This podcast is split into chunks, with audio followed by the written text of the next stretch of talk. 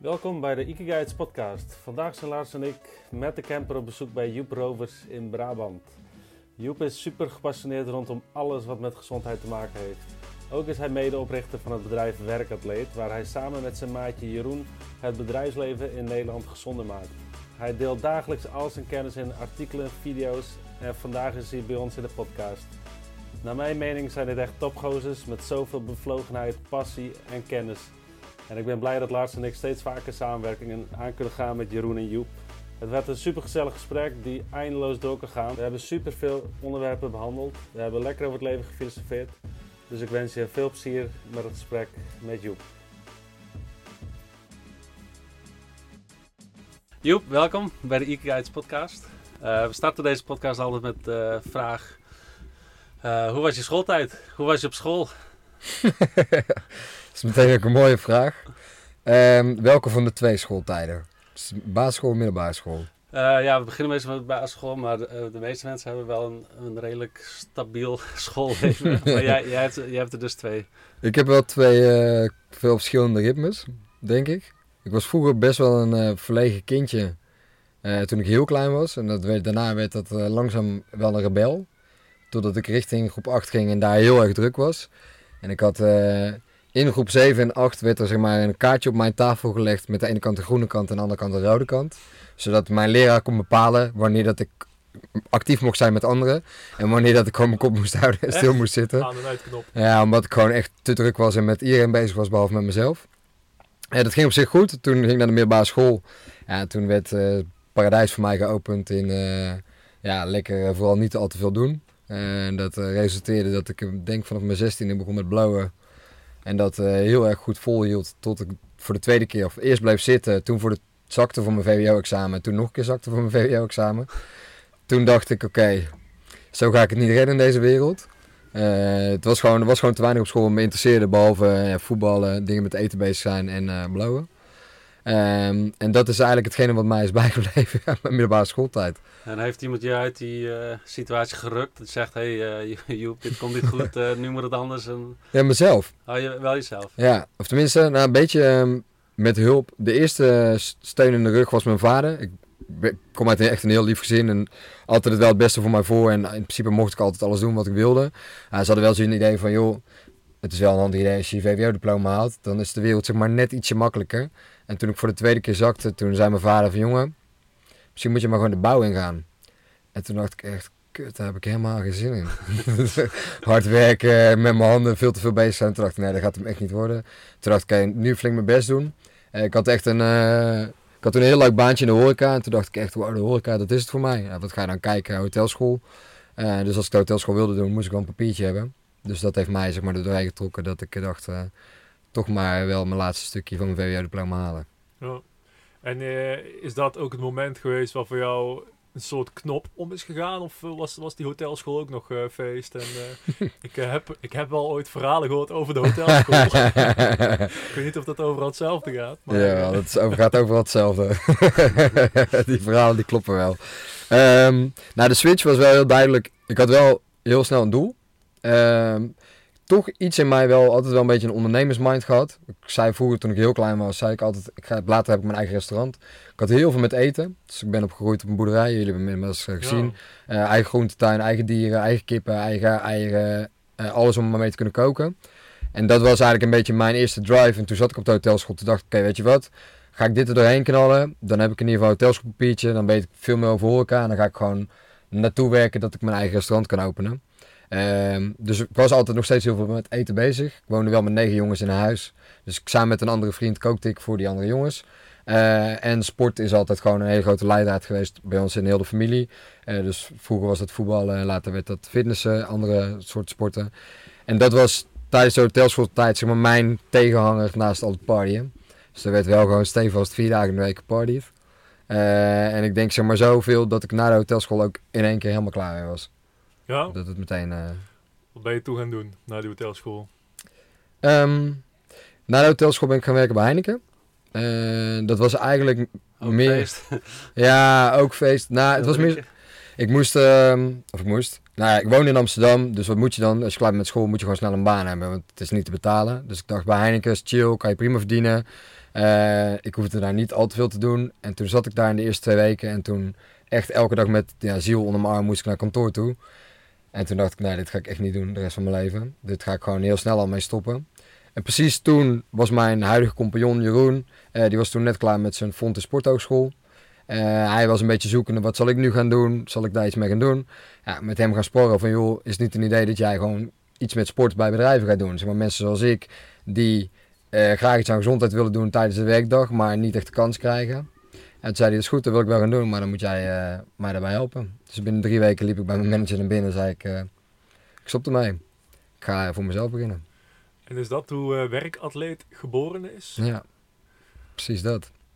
Ik, ik wil eigenlijk nog even kort terug op je schoolding. Want, je, want uh, ik, ik, denk dat er inmiddels heel veel mensen zijn die op, uh, ja, of kinderen hebben die inderdaad niet kunnen concentreren. Of, of misschien, ja, ik, heb, ik had er nooit van het stoplichtsysteem gehoord. Maar uh, waarschijnlijk zijn er heel veel kinderen die, waarvan de leraar zegt: hey, je moet je kop houden. Ja. En, en, je mag alleen praten wanneer ik het zeg. Ja. Hoe heb je dat nog steeds? Dat je alleen maar met anderen bezig, eh, anderen bezig bent en, en niet, niet met jezelf, dat je niet kan focussen of, of ja, niks geïnteresseerd bent. Heb je, heb je daar nog steeds last van of hoe ben je daar uitgekomen pas als toen je iets leuks ging doen, wat je, wat je wel interesseerde? Of, of? Ja, ik denk dat vooral. Dus toen ik echt, echt gevonden heb wat ik echt leuk vind, en dat was dus inderdaad met eten bezig zijn, alleen dan veel dieper op alleen het eten zelf en het eten bereiden, maar vooral kijken wat het doet in het lichaam toen ik daar eenmaal mee in aanraking kwam, toen dacht ik echt, wauw, dit is het. En ja, als je eenmaal iets gevonden hebt wat je echt leuk vindt, ja, dan is, uh, is het zeg maar de wereld te klein en wil je alles leren. En dat heeft bij mij gewoon zo'n extreme honger naar kennis aangejaagd, dat ik gewoon uh, heel de dag wil blijven leren over dat thema. En, um, Wat had je ook een stempel gekregen dan uh, met ADHD of, of andere? Nee, mijn ouders waren niet zo van het alles een stempel laten geven. Dus ik ben ook nooit naar de huisarts gebracht ervoor. Ik denk als ik naar de huisarts gebracht was daarvoor, dan had ik een stempel gekregen. Ja. Want ik was gewoon niet echt een goed handelbaar kind, zeg maar. Uh, ik was thuis hartstikke lief en best wel oké. Alleen op school ja, wilde ik gewoon mijn eigen ding doen. En dat was het niet uh, stilzitten, nee. rekensommen maken. Dus, de, dus de, eigenlijk was het puur het, de vorm van onderwijs dat, dat, jou niet lag, dan dat het, dat het echt uh, goud is of zo in je hoofd was of druk. Ja. Of, ja, ja. ja, ja. En, en nu, of, uh, ja, dan kunnen we weer terug naar werkatleet. Ja. Dus uh, ja, kun je daar iets meer over vertellen? Um, ja, we zijn dat, daar dus inmiddels uh, vijf jaar geleden mee begonnen. ik heb dus heel snel mijn baan bij Heineken opgezegd om dat samen met Jeroen te gaan beginnen. Ons beginplan was eigenlijk, we gaan sporten, of sportinstructeurs koppelen aan bedrijven. Dus om zeg maar, een beetje het idee te tackelen. Je hebt een lange werkdag, kan je in ieder geval overdag sporten. Dan heb je in ieder geval iets aan een gezonde leefstijl gedaan. En dan kan je s'avonds nog een beetje je eigen ding doen. Ja. Uh, zo begonnen we dus gewoon uh, trainers zoeken, bedrijven zoeken uh, en dat aan elkaar te koppelen. En eigenlijk heel snel kwamen we erachter dat de enige mensen die we daarmee trekten, waren de fanatieke sporters. Dus de mensen die toch al bezig waren met een gezonde ja, levensstijl, die gaan daar aan meedoen. En ehm, in die tijd had ik zelf heel veel last van eczeem in mijn gezicht. Dus echt flinke rode vlekken onder mijn ogen, rand van mijn hoofd uit. En ja, bij de zoveelste huisarts geweest, zoveelste zalfje gekregen, dat ik dacht, hier moet ook een andere oplossing voor zijn. Laat ik mezelf iets meer gaan leren over het menselijk lichaam. Dus dan kan ik dat en gebruiken in mijn werk bij werkatleet, dat ik mensen iets kan leren in plaats van alleen maar met sporten bezig zijn. Uh, en dan kan ik kijken of ik mijn eigen probleem kan fixen. En dat is zeg maar, heeft elkaar een beetje aan twee kanten gesneden. Ja. Uh, dat ik en mijn eigen probleem gefixt heb en op een gegeven moment meer kennis kreeg. En dat je zag dat het kennisverschil tussen werknemers en zeg maar, mensen die een beetje geleerd hebben, is al groot. Maar dat gat wordt alleen maar groter en groter. Uh, om ze gewoon op een hele laagdrempelige manier werknemers te kunnen helpen met uh, uh, uitleggen wat tien koppen koffie met je lichaam doen. En misschien dat het een idee is om dat een klein beetje terug te brengen naar twee.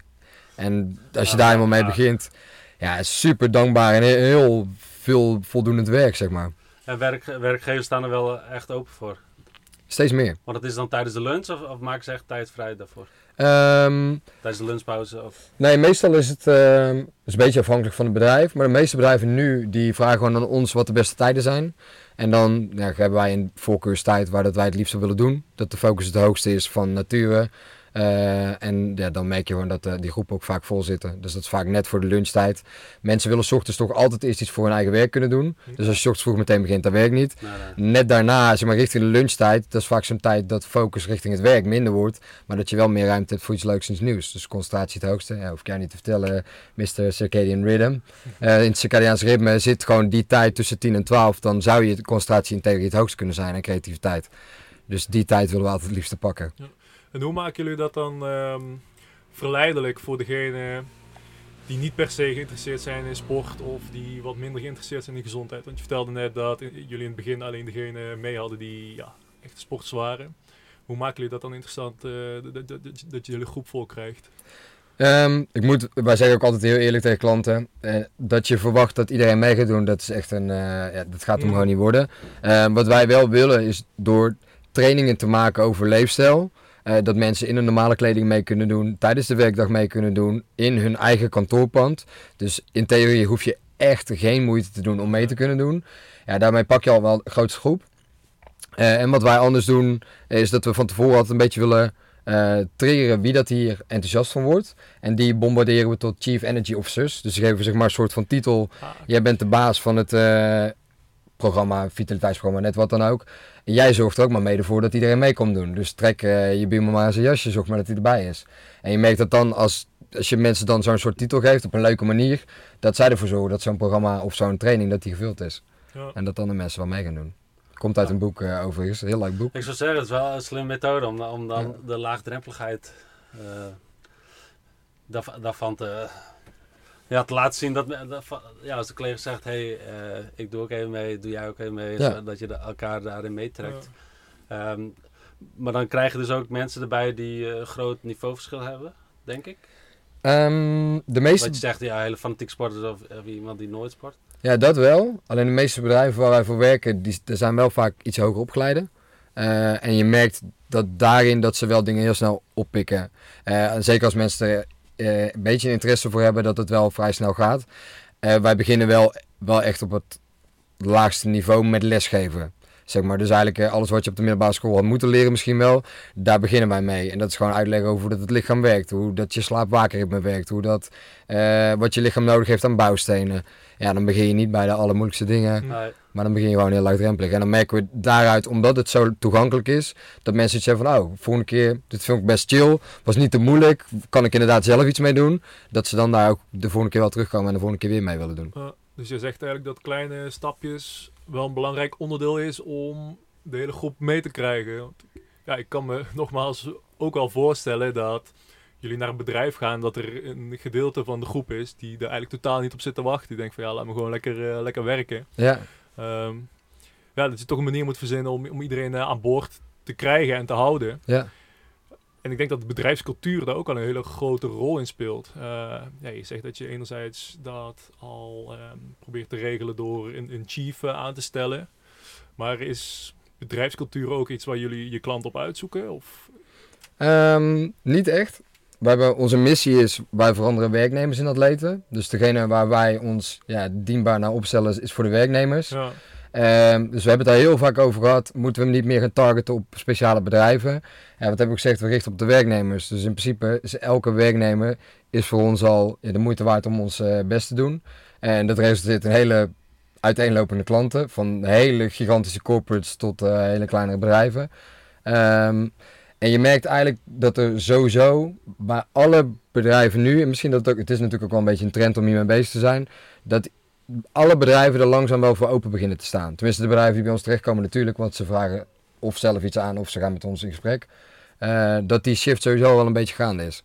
Eh, en het is niet dat wij ze daarop uitkiezen, wij helpen daar gewoon een beetje in Ja. mee hm, te sturen. En krijgen ze ook eh, huiswerk mee eigenlijk. Dat Ja, je, dat je ja. zelfs op school bent geworden. Ja, het is, ja, Ja? oprecht. Ja, ze krijgen, nou ja, niet huiswerk, maar een uitdaging. Dus ehm, we hebben een, eh, een van onze trainingen heet werk als een atleet. En dat is, eh, nou, als je denkt aan een atleet, wat doet hij altijd voor een wedstrijd? Een warming-up. Na een wedstrijd cooldown. Nou, als je de hele dag topsport werkt, waarom doe je dan niet hetzelfde? Waarom start je je dag niet met een rustige ochtendroutine? Waarom sluit je je dag niet af met een cooldown? Daar gaan we dan dingen over uitleggen, hoe dat je dat zou kunnen doen. En dan uit heel zijn training van twee uur moeten ze één ding kiezen waar dat ze 30 dagen mee aan de slag gaan. En dan vaak komen we dan binnen 30 dagen wel weer terug voor een volgende Ah, sessie. zo, dus, dus eh, dus niet, niet ehm, elke week dan?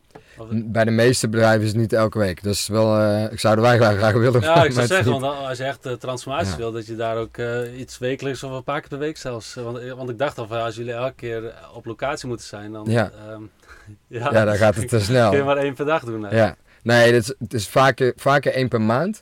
Eh, het is een beetje verschillend opzet. Wij hebben ook een online training waar onze klanten altijd gratis gebruik van mogen maken. Dus Ja, dan heb je zeg maar eh, een hele online course als je zelf wel in de tussentijd nog aan de slag wil blijven. En dat is gewoon letterlijk leren over ja, hoe systemen werken, hoe slaap werkt, stress werkt. Dat is wat we vaak erbij geven voordat we de, de volgende keer er weer zijn. Eh, maar ja, meest ideaal kom je er elke week een keer en zorg je dat elke week het vuur wordt aangezwengeld. Eh, maar zover zijn de meeste bedrijven nog niet. Nee, nee. dat durven ze nog niet aan, denk ik. Ja, ik vind het wel een super vet idee. Ja. Ja. En ook hoog nodig. Ja, absoluut. Ja, nee, eh, het valt me mee dat, dat je zegt dat er steeds meer vraag naar komt. Eh, Dat is een goed teken, lijkt me.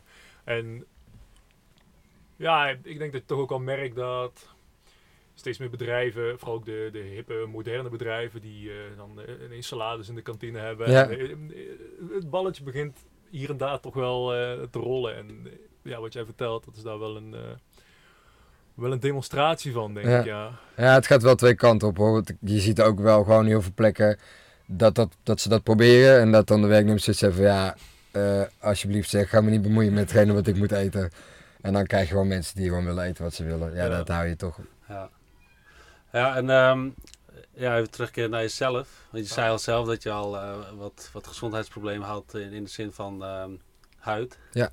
Ehm, ik denk dat heel veel mensen zich daar wel in kunnen herkennen dat eh, huid altijd een, een issue is. Ja. Eh, ja, kun je daar iets mee over vertellen, hoe, hoe je dat hebt eh, opgelost of wat je daarop geleerd hebt? Ehm, Ja, misschien, misschien hoe je je daar bent in beginnen te verdiepen. Want dat is. Kijk, ik denk dat, dat jouw begin was in het verdiepen in, in gezondheid, in de gezondheid van binnenuit. ja. Ehm, en ik denk dat heel veel mensen in diezelfde situatie zitten, maar meestal niet zo goed weten waar ze moeten beginnen. Maar hoe, hoe, hoe ben jij begonnen? Ja, wa- was dit dus zeg maar een, zo'n hoge pijn dat je dacht, ah, eh, want ja, gezicht van iemand is natuurlijk je eerste visitekaartje, dat het Ja. zo'n hoge pijn is, die denkt, fuck dit, ik, ik moet hier iets aan doen en dat je dat dat de pijn eigenlijk hoog genoeg was om nu echt eh, daar dieper in te gaan. De pijn was heel hoog. Eh, of tenminste heel hoog. Eh, Ik sta gewoon heel erg graag voor groepen. Ik vind het super leuk om eh, te spreken voor publiek, trainingen te geven. Maar goed, als je training geeft over gezondheid, dan ben je natuurlijk wel je eigen visitekaartje. Ja, En ik was knetter afgetraind. Ik heb altijd veel gesport, dus daar had ik nooit problemen mee. Maar goed, een sixpack zegt niks over gezondheid. Nee. En als je gezicht dan het tegenovergestelde zegt van wat je lijf zegt, dat gaf voor mij zo'n kronkel dat ik dacht, oké, hier moet ik dus echt wel in gaan duiken. Eh, en toen ben ik eigenlijk gewoon gaan googlen ehm, invloed van eten op huidklachten. En daar ben ik gewoon een beetje op gaan scrollen. Toen kwam ik op een gegeven moment op een artikel van een orthomoleculair therapeut. En die schreef gewoon eigenlijk letterlijk precies wat ik allemaal had. En dat ik dacht, nou, baat het niet, dan gaat het niet. Laat ik gewoon eh, een korte opleiding doen, orthomoleculaire therapie. Dus adviseur basis, ingeschreven, gevolgd. En in één keer ging heel de wereld voor me open. Ik dacht echt, what the fuck, hoezo weet ik dit soort dingen niet? Ben ik, eh, weet ik veel, acht jaar bezig met krachttraining. Alle standaard eh bodybuilder dingetjes heb ik wel gedaan. Eh boterham en pindakaas, kip met rijst met broccoli, kwarken voor het slapen gaan. En ik zit maar helemaal onder eczeem. Maar ja, dat snap ik als je zo leeft. Dat is gewoon het eerste wat die docent tegen mij zei. Dus er heel langzaam dingetjes af gaan breken. En dat gaat gewoon echt stapje voor stapje. En wat, ik vond wat, het... wat had je dan? Want je zei, ja, ze schreef eigenlijk letterlijk wat ik had. Ehm, ja, de, de- het, het klachtenbeeld wat ik had, eh seborrhoïsch eczeem. In de reguliere geneeskunde wordt dat niet getriggerd door voeding. In de alternatieve geneeswijze wordt het wel getriggerd door voeding. Dus er waren een aantal dingen die ik heel veel at. Ik had heel veel rauwe groenten. eh rauwe paprika, eh, tomaten. heel de mikmak rauw, rauwe groenten. Omdat ik altijd dacht dat het heel gezond was. Dan kom je achter, ga je orthomoleculair studeren. Oké, eczeem, behandelplan. Haal alle nachtschadegroenten eruit. Nou, krijg je paprika, tomaat, aubergine. Alles wat ik dus heel de week veel at. Terwijl ik dacht dat ik heel gezond bezig was. Ja. Eh, kwark, caseïne-eiwit. Het is niet oké voor je darmen als je eczeem hebt. Nou, knal je die eruit. En opeens zie je zeg maar heel stapje voor stapje werd de huid langzaam beter. En dan denk je, oké, misschien zit ik op de goede weg. Wat kan ik nog meer doen? Dan ga ik me verder verdiepen. Oké, waar bestaat je huid uit? Waar wordt die uitgebouwd? En toen, ja, dat heeft voor mij gewoon een soort van deep dive in eh, het leren gegeven. dan ging ik gewoon alle boeken bestellen over de huid die er maar waren. En dan ging ik die lezen. En dan kwam ik elke keer kwam ik weer tot iets anders. Testen, testen, testen. En toen uiteindelijk op een gegeven moment was het ineens was het helemaal weg. En toen bleef het ook weg. Ja. Toen dacht ik, oh, dan heb ik nu iets gevonden wat misschien wel werkt. Ja. Het is niet, niet zo dat je met bloedtesten of, of eh, darmtesten, dat, je- dat je echt hebt gekeken van oké, hoe staat het ervoor en, en, en dat je daar aan het einde een ander eh, beeld had. Of het is gewoon een pure proberen, voelen eh, en bijsturen. Ja, een beetje van beide. Eh, want ik heb wel een, eh, ik heb een darmonderzoek gedaan en ik heb ook een 1B-test gedaan. Ik heb een allergietest gedaan. Uh, allergietest kwam heel weinig uit. Dus dat vond ik heel erg bijzonder, want ik had eigenlijk gehoopt natuurlijk Ja. dat zoiets het zou zijn. Nou, was het niet. Toen ging ik zelf werken met 1B-testen. Eh, dus dan had ik een 1B-test gedaan. Toen kwamen er wel een aantal typische tekorten uit voor de leefstijl die ik toen had. Dus toen dacht ik, oké, weet je wat, dat gooi ik in ieder geval om. En ondertussen kwam ik er dus achter dat ik een aantal basisbouwstenen voor de huid, dat ik die in voedingsstoffen kon vinden die ik niet meer had. Dus die moest ik weer opnieuw gaan eten. En dat, eh, uiteindelijk is dat een beetje de, de, ja, de laatste drempel geweest, zeg maar, in hetgene wat ik moest doen. En, en eh, die eh, bloedtesten doe je ook met werkatleten? Of dat je die aanbiedt bij werk? Nee, die heb ik. ehm, de, het, eigenlijk is het een beetje gevolg geweest van het stukje orthomoleculair. Dus dan, eh, ik heb orthomoleculair basis gedaan, daarna gevorderd gedaan. Dan mag je met 1B-testen gaan werken. Dus ik heb die bijscholing gedaan. En toen dacht ik, wow, dit is interessant. Mensen kunnen bloed afnemen. En ik kan gewoon een heel ritje zien aan wat ze missen. Ja, Kan ik ze precies geven wat ze moeten gaan eten. En dan kunnen ze ze daarmee zichzelf oplossen. Ehm, het is een ja, alternatieve test. Dus het is een test. eh, ja, er is wel wat kritiek op die test. eh Ja. merk ik vaak als ik daarover over post of zo, dat er eh, wel mensen zijn die daar... Want, want wat kun je het vertellen over 1B? Want ja, misschien weten mensen niet wat 1B is. Eh, 1B is een energetische morfologische bloedtest. Energetisch wil letterlijk zeggen met energie, morfologisch bloed. Dus wat in het bloed, levend in het bloed. Ehm, gaan ze dus eigenlijk kijken wat ze in het bloed terug kunnen vinden op energieniveau. Dus eh, voor, ja, voor jullie zal het eh, niet onbekend zijn, maar in principe alles is een bepaalde, heeft een bepaalde frequentie. Alles vibreert op een bepaald niveau. Nou, wat ga je doen? Je schiet er bepaalde frequenties af. Match je die ja of nee, dan is dat een teveel of een tekort. Ehm, moet ik zelf eerlijk zeggen dat ik de kritiek wel begrijp. Ehm, dat is ook de reden dat ik er zelf niet heel veel mee werk. Doordat er best wel wat kritiek op is. Eh, en omdat ik denk dat de uitkomst heel vaak gericht is op suppletie. En dan Ja. krijg je alsnog symptoom-oplossing. In plaats van symptoom, oorzaak, dan een oplossing. Ja. En dat is de reden dat ik het ook voor veel mensen niet aanbeveel. Ja, dat is de, de kritiek die ik vaak hoor. Is dat, dat ehm, ik geloof dat, wat- dat de opleiding eh, samengaat met eh, dat supplementenmerk. Ja, Vitakruid. Ja, ja, ik wil het niet zeggen. Nou, ik zeg dat gewoon. Of, Ja, ja. is- Maar had ik dat niet moeten zeggen? Nou ja, Knip weet het er maar uit. dat- dat- eh, knip het niks. Dat doen we niet. Dat doen we niet. Het kost veel te veel werk. Ja. En inderdaad, dat, dat ehm, ja, al die coaches die daar die opleiding doen, die geven al die suppletie Ja. Van hetzelfde bedrijf. Da- dat je daar inderdaad een soort conflict Ja. eh, Ja. hoort. Nou, kijk wat je zegt. Als jij, het is mooi dat er een bloedtest is die bepaalde eh, pijnpunten aanstipt. Maar als jij als oplossing voor die pijnpunten alleen maar met suppletie komt, dan doe je in principe hetzelfde als de reguliere geneeskunde. Ja. Ehm, dus ja, ik vind dat ook een van de gebreken inderdaad. Je zou, je zou er in ieder geval een stuk leefstijl gewoon bij willen. Gewoon terug naar de basis. Echt, Ja, ik eh, moet wel een klein beetje, want anders krijg ik een aantal mensen op mijn nek. Er zijn wel heel veel therapeuten die gebruiken een 1B ter ondersteuning, zeg maar. Dus ja, nee. die gewoon- Dan, dan maken moeten wij er ook bij zeggen, anders krijgen wij Ja. wel een, eh, Nou, wel een traject. Ik werk Ja. zelf ook. In principe kunnen mensen via mij een 1B-test doen. Doe ik ze niet zelf, maar dan heb ik een collega-therapeut. En die heeft gewoon een heel traject. Die focust op leefstijl in plaats van op suppletie. Suppletie wel als aanvulling, waar nodig. Ja. Eh, maar dat is wel de reden dat ik zelf, dat ik er liever niet mee werk als basis. Ook omdat ik denk dat ik meer kan halen uit hetgene wat iemand mij zelf geeft. Eh dus stel dat iemand zeven dagen lang zijn leefstijl monitort, dat ik daar meer uit kan halen dan uit een bloedtest. Eh, en dat ik daar uiteindelijk gericht iemand mee kan helpen met problemen die iemand heeft. Ja. Ja, want, want die 1B die geeft wel ontzettend veel ehm, parameters, zeg maar. ja. Dat kan ook echt.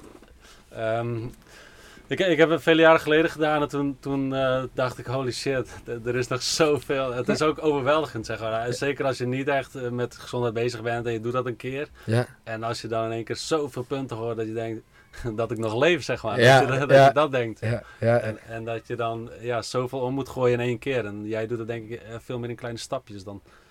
ja, ik doe sowieso alles in kleine stapjes. Kijk, het nadeel is, de 1B-test zelf is al best wel prijzig. Ehm, dus dan moet je nog een advies gaan schrijven en een advies gaan bespreken met iemand. Dus daar wordt het grapje al best wel snel duur van. Ja. Ja, mensen willen ook liever niet al te veel geld daaraan uitgeven. Dus dan moet je in één bespreking moet je proberen ook iemand zo goed mogelijk te helpen. Ook dat is iets wat mij best wel tegenstaat. Omdat ik denk dat het niet kan in één keer. Zeker niet als jij echt verandering wil, dan werkt dat gewoon niet in één keer. Dus ik heb, zeg maar, het grootste deel van mijn tijd is werkatleet. Dat is echt 95% van mijn werktijd is ook trainen voor bedrijven. Een heel klein beetje daarnaast begeleid ik een aantal mensen één op één. Omdat ik het echt heel erg leuk vind om te doen. Eh, dat zijn er maar zes, die krijgen van mij alle zes, zeg maar, ook alle aandacht. Maar daar gaan we gewoon heel lang aan de slag. En dat is, eh, ik geef vaak acht weken als richtlijn. Ja, zijn twaalf weken een keer. I don't care. Anders dan andere therapeuten of andere voedingscoaches wil ik iemand niet meer terugzien. En dat is ook vaak hetgene wat ik zeg. Ik zeg Ja. Of tenminste, ik wil je wel ooit een keer terugzien. Voor de leuk. Ja. Maar niet met het probleem waar jij mee loopt. Ja, ja dat lijkt me de, de mooiste en beste intentie die, eh, die je bij een, een begeleider-coach eh, kunt vinden eigenlijk. Ja. Als, als die direct zegt van, eh, hey, ik wil je niet, zo snel mogelijk niet meer zien. Ja. Dat, dat, dat is een beetje wat ik herken in, in want ik schreef dan skiles in Oostenrijk. En die skischool heeft heel erg van, ja, je moet het zoveel mogelijk spreiden, want dan gaan ze meer boeken en, en, Ja. en et, et cetera. Maar ik doe het eigenlijk andersom en, en ze boeken eigenlijk veel meer. Terwijl ze eigenlijk mij niet eens meer nodig hebben. Maar ja, dat ze die intenties zo goed voelen dat, dat je eigenlijk Ja. meer oplevert voor de skischool dan dat je probeert mensen daar een beetje in. Ja, Ja. ik denk ook dat mensen daar soms doorheen prikken. Wat je bij jou eh, Ja. zult zien, dat mensen dat voelen, dat ze iets wordt opgelegd, zeg maar. In plaats van dat je gewoon, je hebt een intentie, je wil ze iets leren, je wil ze leren skiën. Mhm. Ja, hoe dat, dat gebeurt, dat is dan eh, ja, een tweede, zeg maar. ja. Ehm, even kijken. Waar wil je heen? Ik, eh, nee, ik, ik zal nog even na te denken over dat stuk eh, van net. Van, ja, het gaat puur om de intentie. Ja, ik kan er nog wel even op ingaan. Ik was in mijn hoofd al op ingegaan. Ehm, Dat bedoel ik voor de podcast, dat je daar iets over ja, dat zegt. ik dan uitviel. ja. Ja, moet er even inkomen. Nee, eh, dat, dat dat gewoon pure kwestie is van insteek. Ehm, wat jij, dat voorbeeld wat jij aanhaalt, ehm, mensen, een, een soort van trucje om mensen zo lang mogelijk binnen te houden, zonder dat je daadwerkelijk de, de dienst levert die je, die je zou moeten leveren. Dat is vanuit de intentie eh, of vanuit de achterliggende gedachte van schaarste, of het besef van schaarste. Ja, Terwijl als jij zegt, ehm, je komt een traject bij me doen en ik heb het liefst dat je zo snel mogelijk, eh, dat je weer uit dat traject bent met goede resultaten. Dat is vanuit een gedachte van ehm, overvloed. ja, Zowel voor je cliënt als voor jezelf. Van ja, als ik een goede dienst lever, dan komt er vanzelf wel weer iemand terug. ja. En ik denk dat, ja, dat is misschien een open deur, maar dat is natuurlijk eh, altijd waar je op lange termijn veel meer waarde creëert. Zowel voor jezelf als voor je, als voor je cliënten. Ja. Ja, en misschien is het ook een beetje de, de luxe die ik heb, dat het niet mijn fulltime baan is. Dus ik hoef je, dat gedeelte hoef ik ook mijn brood in principe niet mee te verdienen. Eh spreekwoordelijke brood trouwens, daar kunnen we het daar ook nog wel even over hebben. Eet jij brood? nee, heel soms. Ehm, maar dat ik dat niet hoef te doen, dus dat ik het ook daarom echt mooi los kan houden. En dat mensen daarom ook zeg maar, wat langer bezig zijn. Ja, als het zo is, als ik iemand daarna maar geholpen heb. En uiteindelijk, wat heb ik eraan als iemand na twaalf weken wegloopt en nog steeds met zijn probleem zit? ja. Ja. Ja, en eh, uiteindelijk eh, de enige reclame die in deze wereld denk ik goed werkt, is mond-op-mond reclame. Eh, en uiteindelijk doen we het om elkaar te helpen. En, Ja, dan doe ik het niet om er rijk van te worden. En je, je had ook een TED-talk ehm, gehad. Ja, Hoe, eh, hoe is dat tot stand gekomen? Ehm, gevraagd. Ehm, Want, want je hebt best wel een groot bereik. Hoe, hoe is dat eigenlijk? Hoe, hoe is dat in één keer zo? Of, of is dat in één keer? Of, of hoe- ja, hoe is dat zomaar gegroeid Ehm, eigenlijk? Mijn bereik was eigenlijk groter op LinkedIn eerst. Eh, dus ik was eerst ook veel meer actief op LinkedIn. We werken natuurlijk voor de zakelijke markt. dus ik eh, schreef gewoon heel veel stukken. ehm, en dat sloeg best wel vaak aan. Ehm, ik begaf me best wel vaak een beetje op glad ijs, zeg maar. Dus net dingen net op een andere manier insteken dan dat Ja, ja. iedereen doet. Dus dan ja, krijg je positieve en negatieve reacties. Ja, het enige wat werkt natuurlijk is, het moet de wereld in. Dus hoe meer mensen het zien, hoe beter. Eh, dus daar groeide het heel erg snel. Ehm, en toen op een gegeven moment werd ik eh, benaderd door iemand van eh, TEDx. Dus dat werd georganiseerd door de studentenvereniging van de UvA. Ehm, en een van die meiden die heeft op de hotelschool gezeten. Die heeft mij altijd gevolgd vanaf het begin van mijn hotelschooltijd tot aan ja, wat ik eh, uiteindelijk met werkelijk had neergezet. Zij heeft mij getipt bij de organisatie. Eh, die zijn gewoon gaan kijken van, joh, wie is dit? Wat doet deze jongen? Toen hebben ze mij gebeld. Eh, goh, was even TEDx. Zou je het leuk vinden om TEDx te doen? Ja, daar hoef ik niet zo lang over na te denken. Ja, want je houdt echt van spreken voor groot publiek. ja, ik vind dat het allerleukste om te doen. En hoe Ja. is dat ontstaan dan? Want eh, de meeste mensen vinden dat niet zo leuk. ja, dat is ook hetgene wat ik het meeste zeg. Dat de meeste mensen dat niet leuk vinden. Ik weet niet. Ik, ehm, Had- Dat had je altijd al een beetje. nou, niet, niet per se, denk ik. Ik ben niet altijd iemand die extreem op de voorgrond te vinden is. Dus als ik, zeker als ik kijk naar mijn vriendengroep eh, van de hotelschool, dan sta ik echt absoluut niet op de voorgrond. Er zijn er echt wel een aantal meer die altijd de Ja. show stelen, zeg maar. Ja. Ehm, maar ik vind het wel altijd heel erg leuk om dingen te vertellen. Eh, en ik merkte gewoon dat dingen die ik vertelde, omdat ik ne- altijd net een beetje anders denk of dingen probeer, net wat anders dan de meesten doen. Dat mensen dat heel erg grappig en interessant vinden. En daar wordt soms een geintje over gemaakt, maar toch vinden ze het altijd stiekem wel interessant. Ja. En als je dan daarover gaat vertellen en dat je dan iets kan aanraken en dan een paar maanden later hoort van ja, ik heb dat ook gedaan eh, wat jij toen vertelde. Daar ging ik heel erg op aan. Eh, en daar kwam ook het stukje trainen van werknemers naar voren. Ja, dat ik dat gewoon heel erg leuk begon te vinden. En dan, wat is dan de volgende stap? Ja, de grootste stap was dan voor mij TEDx. Ja. Die kwam een beetje te vroeg, vond ik zelf. Hm. Want ik had, eh, we, schrijven elk jaar doelen op voor onszelf, dingetjes die we heel graag willen. Dus long-term goals, short-term goals. En ik heb daar wel op één long-term goal had ik gezet, zeg maar het half jaar voordat ik gevraagd werd. Over vijf jaar zou ik wel een TEDx-talk willen geven. Nice. Toen vier maanden later werd ik gebeld van, joh, zou je in november een TEDx-talk willen geven? Ja, Over dan- manifesteren gesproken. Send it out there. Want doe je dat ook, eh, want eh, daar hebben we bijvoorbeeld met eh, ja, verschillende podcasts al over gehad. eh, de visualisatie, de mind ehm, trainingen, et cetera. Doe je daar ook veel mee? Dus Ehm, maar dat je ja, doelen opschrijven, et cetera. Maar doe je... Sowieso elke dag meditatie 15 minuten in de ochtend. Ehm, ik merk dat dat wel echt mijn houvast is van alles. Ik merk dat ik, als ik het niet doe, dat ik er echt last van heb. Hm. Eh, dus dan maakt het heel makkelijk om het te doen voor mij. Met- Met welke intentie mediteer je dan? eh? Ik heb, eh, ik, ik had een hele, hele erg haat-liefde verhouding met mediteren. Zeg maar alles proberen en het vond het eigenlijk allemaal net, net niet chill. Tot ik een boek tegenkwam, Stress Less Accomplish More. Werd aangeraden door een of andere ja, CEO echt van een heel groot bedrijf. Toen dacht ik, oké, op zich vind ik dat wel interessant. Iemand die heel erg druk is, die toch een methode gevonden heeft, dat je dat dan makkelijk kan inbouwen. En het was echt een super praktische methode met ehm, eerst je vijf zintuigen langs gaan. Wat hoor ik, wat ruik ik, wat voel ik, wat proef ik. Heb ik ze allemaal gehad? Ja, vijf zintuigen. Ehm, daarna heb je één mantra die je zelf mag kiezen. In het woord werd het woord one, letterlijk het woord één, eh, werd zeg maar, gegeven als mantra. Toen dacht ik, nou die voel ik op zich wel. Die blijf je gewoon herhalen, 15 minuten lang. Ja, en elke keer als je gedachten afdwalen, op een gegeven moment merk je dat op. Ga je terug naar je mantra, blijf je hem weer herhalen. Dwaal je weer af, ga je weer terug. En dat is eigenlijk het, eh, het, het stukje mediteren. En dan heb je de laatste eh, twee minuutjes, mag je een intentie zetten voor de dag. Of mag je dus iets manifesteren, iets wat je heel graag zou willen. Of visualiseren, of net wat je wil. En dan mag je dan zelf invullen. En ik wissel dat een beetje af. Vaak probeer ik gewoon een intentie te zetten voor de dag. Ehm, en 9 van de 10 keer is mijn intentie, laat ik er gewoon een mooie dag van maken.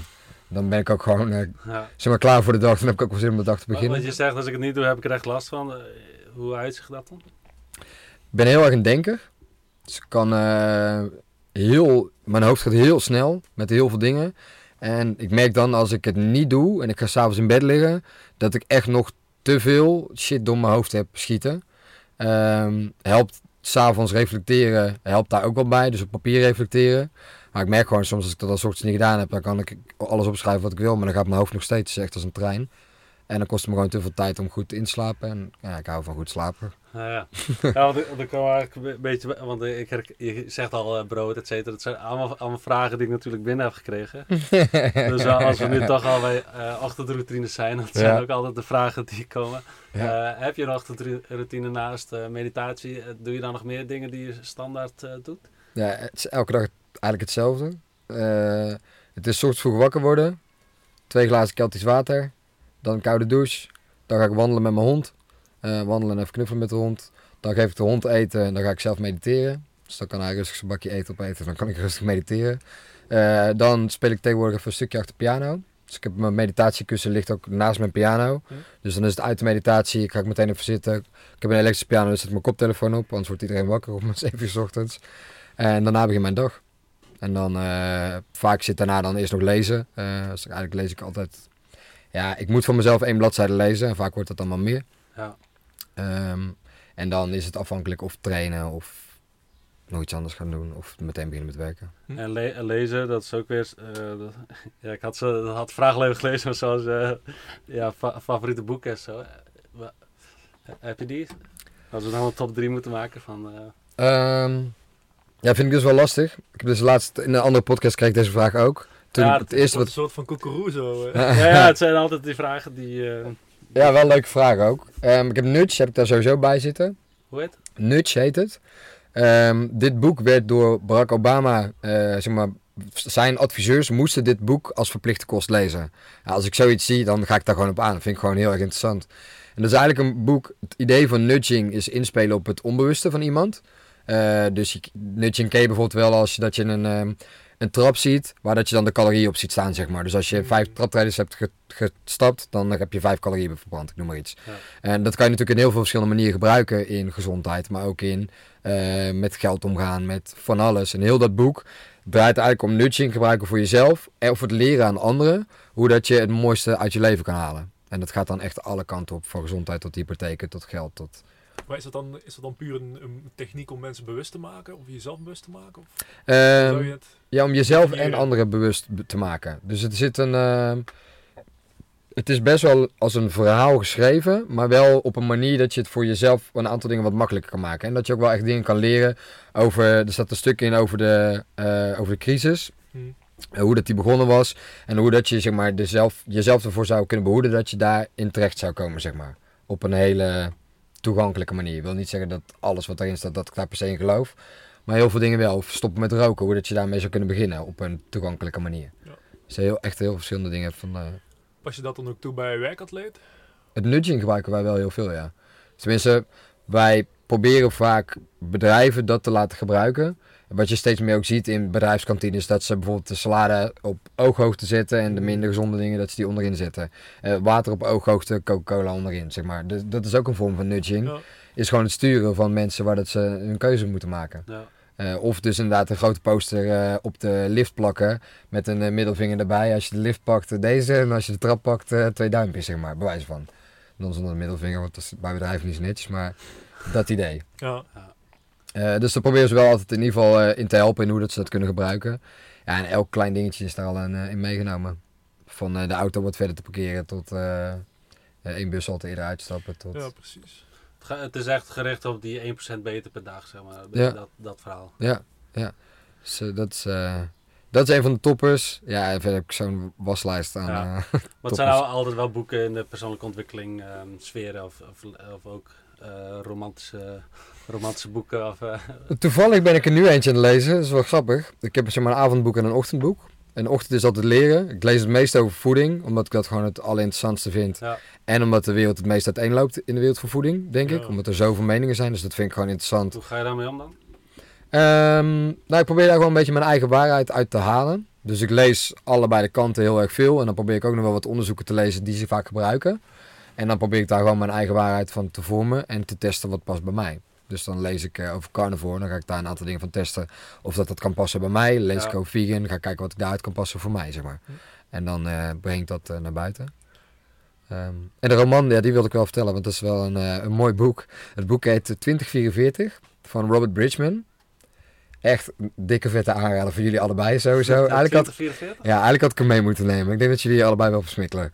Ehm, het is, Daar ben ik wel benieuwd. het, is, ehm, het, het gaat eigenlijk over. ehm, het boek speelt zich af in 2044. En ze kijken eigenlijk heel de tijd terug naar de tijd van nu.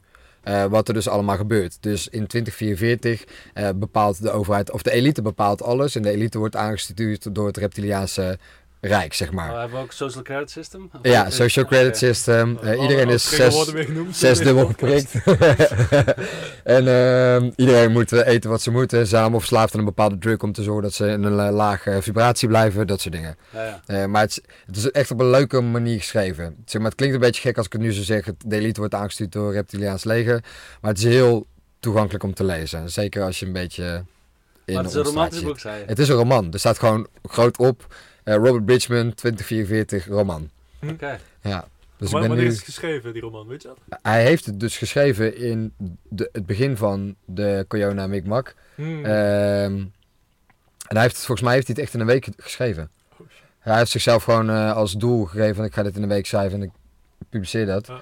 Ja, en dat is gelukt. Maar had, had de schrijver ook een beetje het, ehm, de intentie om, om er een waar gebeurd iets van te... dat dit ergens op gebaseerd had? er Of is het... inspiratie vandaan heeft gehaald. Ik denk wel dat hij ergens een inspiratie vandaan Ja, gehaald heeft. Dat denk ik wel. Ehm, maar ik denk dat het een beetje het idee is van ehm, de lichtwerkers, zeg Ja. maar. Dat is ook iets wat hij veel gebruikt. Dus ehm, daarin zitten wij wel in hetzelfde straatje, denk ik. Ik, ik ga hem straks even opzoeken en dan eh, Ja. ben ik heel benieuwd. Ja, Je ook een boekje voor het slapen gaan. ja. ja ik, had, ehm, ik had laatst een boek Misschien over... mij voorlezen hier. Dat ging over ehm, eh, seksuele energie. Dus ehm, hoe heet het ook weer? Die had ik jou doorgestuurd, toch? Dus, eh, dus de onthouding van man en dat is de opbouw van de eh, circulerende Ja. energie van de man. Ja. Super, super interessant, uit eh, Japan volgens mij. Had ik, ja, je kijkt me aan alsof ik iets raars zeg, maar dat, dat had ik toch gestuurd of niet? Niet dat ik me kan herinneren, Oh. maar ik ben wel ook een dergelijk boek aan het lezen. Oké, Ben ik al onderbewust getriggerd door jou misschien. ja, dat denk ik. Ja. Waar, waar gaat die over? Ja, dat gaat ook over de mannelijke seksuele energie en hoe je ja, die kan laten circuleren als het ware. Ja, Ja, het, het was volgens mij Taoïsm. ja Voor jou ook? Great minds think alike, hè? Ja. Ik, ik wil nog even terugkomen op, op eh, want je zei eh, op, op LinkedIn eh, dat je, ja, de triggers, dus eh, ja, ik doe dat zelf ook vaak, ehm, ja, di- dingen op een dergelijke manier schrijven dat je, ja, dat mensen gaan praten, dus Ja. negatief of positief. Ja. Eh, ja, hoe ga je om met eh, de negatieve Hmm. lading? Want ja, da- dat ze, ja, misschien op het werk of eh, met werkkleden ook hebben dat, eh, ja, vaak is je directe omgeving toch eigenlijk de, de saboteurs in van ja, je wilt misschien een stapje verder doen Ja. en dat je dan tegengehouden wordt. Eh, online is dat natuurlijk heel makkelijk, want je krijgt uit het niets over alles eigenlijk wel haatberichten of Ja. negatieve berichten. Wat eigenlijk super ja, jou, jou tegen kan houden in, in doorzetten. Ja. Eh, hoe, hoe ga jij ermee om? hè?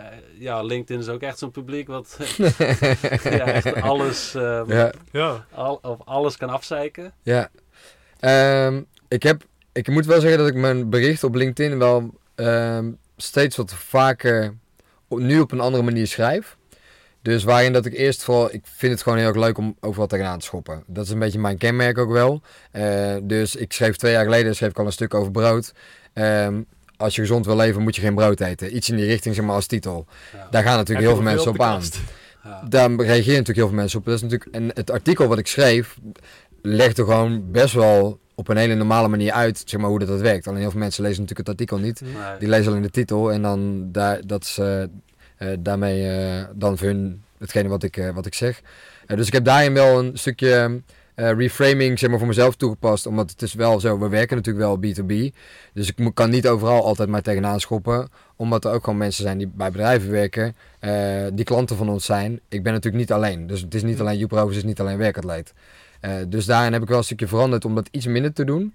Eh, probeer ik nog steeds wel dingen scherp aan te snijden. Dat mensen er wel over na gaan denken. Maar wel heel vaak een draai eraan te geven. Van hé, hey, dit is wat ik onderzocht heb. Daar heb ik ook onderbouwing voor. Ja. Maar probeer het vooral zelf en kijk wat het bij jou doet. In plaats van dat ik zeg, dit is de waarheid. Of dit Ja. is mijn waarheid. ja.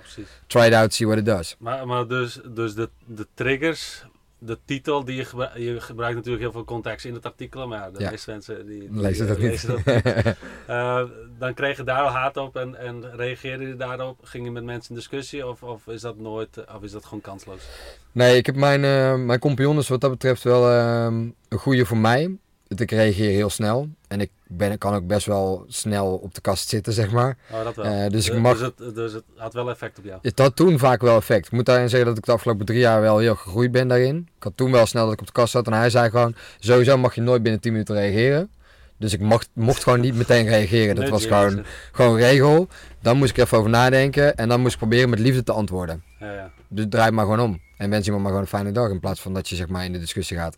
En dan zie je ook dat de discussie daarna meteen ten einde is. Meestal reageert iemand niet meer. Eh, want dan denken ze...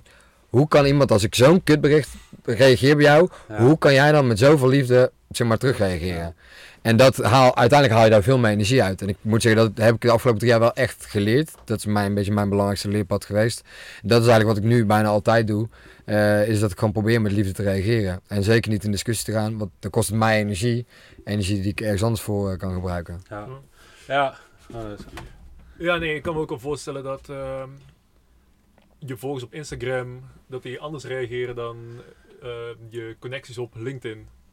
Merk je dat of eh, is dat niet zo? Nee, dat, ik denk dat LinkedIn bij, bijna nieuw Facebook is geworden. Eh, als je... Op zich niet zozeer altijd bij mij, of bij ons. Zeker omdat we nu de artikelen wel... Nou, trouwens op zich. We hadden... ehm, eh, wij hadden twee weken geleden hebben wij op LinkedIn aangekondigd dat wij de komende twee maanden, dus maanden juli en augustus, dat we maar maximaal vijf uur per dag gaan besteden aan werkzaamheden. Mhm. Dus echt het bezig zijn achter je laptop met werk voor werkatleet.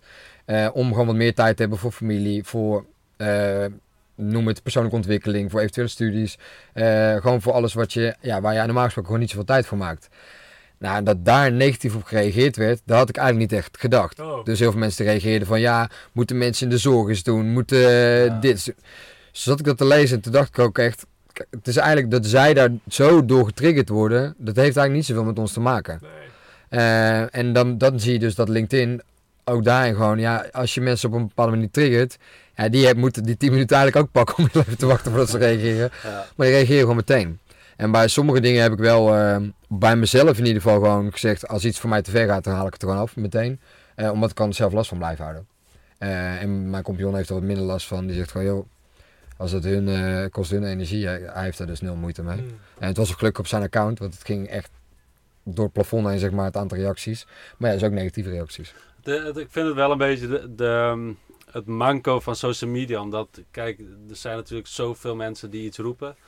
Dus je moet ook zichtbaar zijn om die boodschap eh, eruit te krijgen. Waardoor je dit soort dingen gaat doen, terwijl je misschien dat helemaal niet wilt. Of, eh, Ja. maar, maar goed, je wilt zichtbaar worden. En ineens wil iedereen zichtbaar worden. En, en ja, hoe bereik je dat? Dus de ene schreeuwt nog harder dan de ander. En heel erg op emoties. En, Ah, titels worden op emotie gespeeld. Alles wordt op emotie gespeeld. Omdat je dan iemand echt eh, de, Ja. aandacht heeft. En eh, ja, ik heb het idee dat dat, dat heeft wel impact op, op de maatschappij, vind ik. Want het, het is super hard. ja, Maar eigenlijk, echt, eh, want jij zegt nu ook al, en ik herken dat bij mezelf. Want ja, ik ben ook wel spijkerhard. Of ja, zo kom ik misschien over, maar dat ben ik helemaal niet. Nee. Alleen je moet dat, ehm, eh, je moet het zijn. Heb je dat conflict ook wel eens, dat je denkt, ja, ik moet toch met de algoritmes een beetje mee. Eh, anders, ja, als je iets leuks zegt over broccoli of zo, ja, dat, dat leest niemand of deelt niemand of reageert niemand op. Dus, je- dus je, je schrijft wel eh, op een manier dat misschien een beetje van je verwijderd is. Want je wilt, je wilt helemaal niet mensen op de kast jagen of iets dergelijks. Eh, heb je daar intern conflict mee? Ehm, nou, ik vind het dus, zeg maar, in mij zit iets die dat heel erg leuk vindt om een beetje te schoppen. Eh, dat is niet voor niks dat ik, eh, zeg maar, vaak het voedingscentrum een beetje te kakken zet. Ik vind het ook gewoon wel leuk om, zeg maar, tegen dat soort heilige huisjes aan te schoppen. En die reactie die daarop komt, die vind ik ook best wel leuk. Maar is wel oprecht, omdat ik er echt in geloof, wat ik zeg. En dat heeft me een aantal jaar gekost voordat ik dat zeker wist en dat ik het goed kon onderbouwen. En dat is blijkbaar iets waar dat mensen dus heel makkelijk op aangaan, ja of nee. En mensen die me volgen, zeker als ze mij al langer volgen, dan hebben ze gewoon dat traject een beetje gezien. Van waar ik ooit mee begon, met dus inderdaad voorzichtig of een klein beetje tegenaan schoppen. Tot nu, soms omdat ik gewoon weet dat ik de kennis heb, dat ik denk, oké, let's go, all in. En dan krijg je dus af en toe wel een, eh, ja, weet je gewoon dat er een conflict onder kan komen. Ja, ja. En, en wat zou je tegen mensen zeggen die dan eigenlijk eh, zich heel erg laten tegenhouden omdat de buurvrouw wat zegt of de collega wat zegt? Of, of ja, dat die toch niet doorgaan met naar de gym gaan omdat ze bang zijn wat andere mensen daarvan vinden? Of eh, ja, ze met een bakje groenten na- naar het werk komen, dat de collega's daar weer wat van vinden eh, en daardoor toch maar stoppen. Ehm, dat vind ik wel een hele mooie vraag. Dat is wel iets wat ik de laatste tijd steeds vaker probeer be- mensen bewust van te maken. Van joh, er is maar één iemand belangrijk in het leven en dat ben jij zelf, zeg maar. Je bent niet op deze aardbol om het leuk te maken voor iemand anders. Je bent hier op deze aardbol om het leuk te maken voor jezelf. Ja, hoe doe je dat? Door jezelf nummer 1 te zetten. Kijk, als jij het gevoel hebt dat het jou gaat helpen als je een bak salade eet tijdens je werk.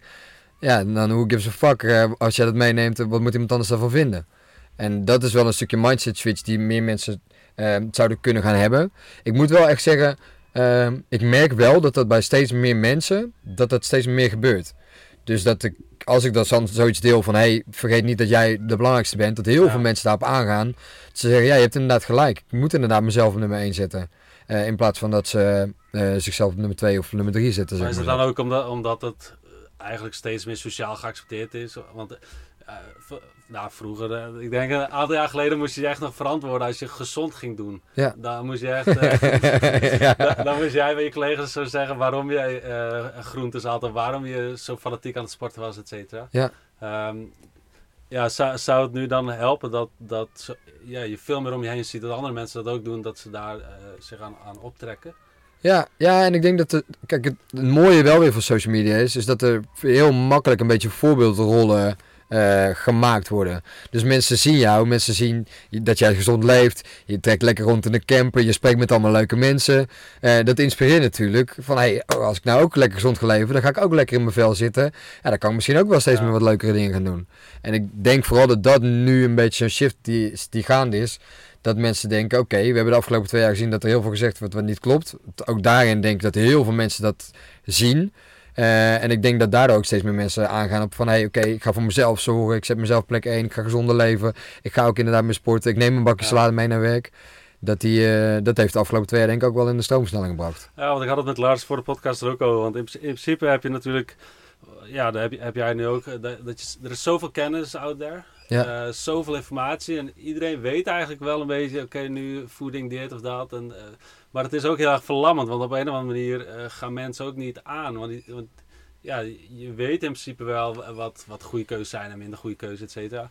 En toch zie je dat, dat de gezondheidscijfers gewoon alleen maar slechter worden. Ja, Ehm, dus we zaten echt eh, ja, te bedenken van hoe kun je, hoe kun je die, dat, dat gat nou verkleinen? Dat je, dat je, ja, je leest, je hebt allemaal boeken in de boekenkast en eh, ja, je weet, oké, ik zou meer moeten bewegen, ik zou meer moeten dit, maar eh, er zit een gat tussen, oké, ik weet het wel, maar ik doe het niet. En dat dat is misschien ook een beetje de, wat we hiervoor zeiden, dat, dat de onzekerheid zo groot is van, ah, eh, ja, als je overgewicht hebt en je gaat naar de gym of, of, Ja. eh, ja, of de buurt, dat je heel erg bezig bent met de anderen, hoe anderen jou zien en zo. ja, Dat, dat, dat die, ja, we proberen, ja, we hadden het echt over hoe, hoe kun je nou die stap kleiner maken dat je, dat je wel ehm, durft voor jezelf te kiezen. Want ja, het, het is natuurlijk makkelijk gezegd van ja, je, je moet jezelf op één zetten, maar als je dat zelfvertrouwen niet hebt en, het, en zo'n slecht zelfbeeld, ja. hoe, hoe doe je dat dan? Ik moet zeggen dat dat wel een, ehm, zeg maar wel een hele complexe is. Dat want is ik de denk dat, dat dat veel verder gaat natuurlijk dan ehm, hetgene waar, waar wij op werken. Ik denk dat je dan al wel echt een paar bruggen verder moet zijn om iemand goed te kunnen helpen, denk Ja. ik. Echt wel eh, één op één gesprekken met iemand hebben om dat, in ieder geval dat zelfvertrouwen een beetje terug te krijgen. En maar als iemand zelf in zo'n situatie zit, wat ik vooral probeer te doen, is op een hele laagdrempelige manier dingen te delen die in mijn idee heel veel mensen zouden kunnen testen. Eh, die ze alleen kunnen testen ook. Dus die niet per se eh, hoeven te zijn van je moet per se naar de sportschool. Hoewel ik dat wel vaak deel van til zwaar gewichten op. Zijn er ook dingen, net ochtends vroeg dat ik mijn ochtendroutine deel van hey, ik start mijn dag met twee glazen water en een wandeling. Eh, stel dat iemand een laag, lager zelfbeeld heeft en eh, zwaar overgewicht heeft en moeite heeft met vinden waar moet ik beginnen. Misschien heeft zo iemand voelt hij dat, nou dat kan ik ook wel, want dat kan ik alleen. Ja, Daar hoef ik nog niet per se in, in de grote wereld te zitten of in de grote wijde wereld. En dat kan je bewijzen van als het nog bijna donker is, zeg maar. Dus dan hoef je jezelf nog niet meteen te laten zien. Als je voelt dat dat merkt, dan hoop ik en dan denk ik dat dat vaak een beetje dat balletje gaat rollen. ja. Eh, maar je hebt wel gelijk, er is een very long way to go. Ja, precies. Omdat, omdat je dan eigenlijk aan de ene kant moet de pijn hoog genoeg zijn. Dus eh, als, als er echt iets gebeurt, dat je wel moet veranderen. Ja. Maar ja, er zit zo'n groot gat tussen van ja, als, als het niet per se hoeft. En, en ja, je weet het wel, maar je bent wat onzeker over jezelf. Zo, maar dat je, ja, dat je de, st- de stap niet kunt zetten naar een gezondere leefstijl. Maar wat jij ook zegt en de conclusie waar wij ook altijd op uitkomen. Het, het beste wat je kan doen is, als jij een persoon bent die al wel die stap heeft gezet, is om dat voorbeeld te tonen. Ja. En als mensen dan zien van, oh het gaat goed met hem, of oh zij zit lekker in haar vel. Ja. Dan hebben ze niet die diepe pijn nodig om te veranderen, maar dan zien ze, dan zien ze dat het met, met die andere persoon goed gaat. Ja, Ja. En dan denk je van, oh dat wil ik ook al. Dat wordt een soort van relatieve pijn eigenlijk. Maar, maar ja, daar komt bij, want die vraag had ik dus ook eh, voor jou gekregen. Is, is, eh, er is zoveel eh, ja, kennis en, en iedereen roept wat anders en zo, dat dat, dat juist ook heel erg verlammend werkt. Hoe, hoe, ja, hoe, hoe, ga, hoe ga je daarmee om? Hoe kies je? Want, want jij, het is jouw werk, dus jij, jij pakt iets en je probeert het bij jezelf en zo. Maar voor anderen, eh, ja, die, die, ja, die zien eh, door de bomen het bos niet meer. Ehm, hetgene wat ik gewoon het meeste zeg voor heel veel mensen is echt try it out. En dat is gewoon, je ziet iets, maar try it out wel iets langer. Dus vaak richt, probeer ik me te richten op dat mensen iets 30 dagen proberen. En want als je iets een week probeert, ja, no offense, maar dan vaak merk je dat ook nog niet echt verschil. Dus 30 dagen. En als je dan voelt dat het iets doet, dan weet je wel dat je op de goede weg zit. En dat kan voor sommige mensen kan dat zijn met een, op een ene manier eten. En voor anderen kan het op een andere manier eten. Maar zoek daarin wel één ding. Ja. En begin met één ding. Ja. En kijk, er is een. ehm, ehm, voor mij is dat ook een hele erg zoektocht geweest. Ik ben zelf ook eh, eh, een aantal maanden vegan geweest. Omdat na de docu The Game Changers dacht ik. That's it. Ik ben een atleet. Ik sport knetterveel. Nou, ik moet ook vegan worden. Nou, ik kwam er voor mij heel snel achter. Eigenlijk al binnen 30 dagen. Maar ik had mezelf voorgenomen om het wel iets langer te doen. Dus dan het het een beetje in mij dat ik dan dat graag wil testen. Ja, was hem gewoon niet. Nee. En dan ga je iets volgens proberen. En als je dan dingen merkt aan jezelf dat je op een bepaalde manier wel of niet goed reageert, dan kan je het volgende gaan proberen. En dan is het op zich fijn dat er heel veel info is. Het is ook heel lastig. Maar het is heel erg fijn dat je wel meerdere dingen kan proberen. Ja. ja, dat je die nieuwsgierigheid in jezelf krijgt om, en dat je het loslaat dat killer bodies en zo in zes weken, acht weken, Ja. dat, dat soort dingen. ja, Ja, Ja. Wa- Want, want in je DM's zul je ook heel veel vragen krijgen van hey, hoe kan ik dit oplossen? En, dat, en dan graag in een heel zo kort mogelijk antwoord willen. Ja. Dat, eh, hoe, hoe- ja, je- ja, misschien krijg ik een paar honderd eh, DM's per dag. ja. Ehm, ja, dat, dat is tegelijk eh, wat, wat van de allergische vragen die ik hier ook heb, is ja, je eetdagboek. En ja, dat, dat, dat ze precies willen weten wat jij dan eet. ja. Nou, je zei vooral van, ja, je, voor iedereen werkt weer wat anders en je moet het proberen wat, wat goed voelt, et cetera. Ja. Ehm, ja, je mag, je mag voor mij wel een antwoord op geven. Wat ik eh, eet. nou ja, je- je- Mijn eetdagboek. ja, ja, ja, ja, Ja. Dat wil ik op zich, ik wilde best vertellen hoor. Ik, heb, eh, ik eet heel gevarieerd eigenlijk. Ik eet een aantal dingen eet ik wel wat vaker. Dus ik eet, eh één van mijn richtlijnen is dat ik één keer in de week orgaanvlees eet. Dat is lever. Eh, voor mijn probleem, mijn huidproblemen, eh, als ik ga kijken wat de huid het hardste nodig heeft, is het onder andere retinol, vitamine A. Ja, waar vind je die het allerhoogst gedoseerd in? In lever. ja. En ik ben wel voorstander food is medicine. Eet gewoon wat je kan eten. Eh, ik heb geluk, ik ben wel opgegroeid op een boerderij, dus bij mij vanaf kleins af aan aten wij lever. Eh, vitamine A voor de huid is heel belangrijk. Dat kan je terugvinden in de rundelever. Er zijn nog een aantal andere dingen meer die je daar gewoon veel in vindt. Nou, als ik terugkijk, ik relateer heel veel dingen aan de oertijd, dus de oermens. Ze deden heel veel dingen niet goed. Eh hygiëne was eh, niet echt over naar huis te schrijven. Dus ik denk dat dat een van de redenen is dat ze ook niet zo oud worden, werden. Maar wel heel veel moderne ziektebeelden, zoals eczeem, kwamen daar niet zoveel voor. Nou, wat Aten zei, bepaalde knollen, eh, vooral een aantal fruitsoorten. Als ze een dier hadden gevangen, hebben ze één dier om met bijvoorbeeld de familie te delen. Nou, hoeveel levers zitten er in één dier? Ja, eentje. Dus is dat dan slim om dat elke dag te gaan eten? Als je daar relateert, ik denk het niet. Dus dat is ook een van de redenen dat ik, ik probeer daar een beetje naar te kijken. Dus dan eet ik dat één keer in de week. Ehm, verder eh, werd er heel erg duidelijk op gehamerd dat zuivel, als je huidklachten hebt, echt een no-go is. En daar ben ik heel lang in meegegaan. Eh, totdat ik wat meer begon te lezen over rauwe zuivel. En toen dacht ik, baat het niet, dan schaadt het niet. Laat ik dat eens gewoon proberen. En dat ben ik gewoon heel voorzichtig een klein beetje in mijn eetpatroon gaan toevoegen. En ik merkte juist dat ik daar heel erg goed op ging. Dus iets wat ik heel vaak om, als ontbijt eet, is kefir hangop van rauwe zuivel. Ehm, daarin vaak veel klein fruit. Dus bramen, frambozen, aardbeien, ehm blauwbessen. Omdat het eh, het hoogste ehm, eh, concentratie vezels heeft op zeg maar, de kleine vruchtjes. En dan als je kijkt op 100 gram zitten er gewoon de meeste vezels in. Eh, veel dingen met cacao daarbij. mijn eerste maaltijd. Verder eet ik bijna geen rauwe groenten. Omdat Waarom, gewoon... waarom cacao? De cacao is gewoon, denk ik in mijn ogen, naast lever en naast eieren, is de superfood nummer drie. Er zit echt alles in eigenlijk. Dus als je kijkt, de hoogste vezelconcentratie, hoogste eiwitten, eh, super veel verschillende mineralen en ook allemaal best wel hoog gedoseerd. Eh, mineralen die je ook niet meer zo over in alle andere producten terug kan vinden, waaronder magnesium bijvoorbeeld. Dat vind ik gewoon heel erg interessant en ik merk dat mijn lichaam daar heel erg goed op reageert. Eh, en ik denk dat het voor iedereen ook wel een beetje verschillend is. Ik kan er ook niet te veel van eten, want ik ben heel gevoelig voor cafeïne. Ja, Dus als ik te veel cacao eet, dan eh lig ik s'nachts ook zo in bed ja te kijken. precies. Dat heb ik ook wel eens gehad, ja. Ja, ja. En dan is het een stu- stuk pure chocolade, dan heb je plafonddienst. dat is dan de cacao die ze nu allemaal gebruiken voor de cacao-ceremonies.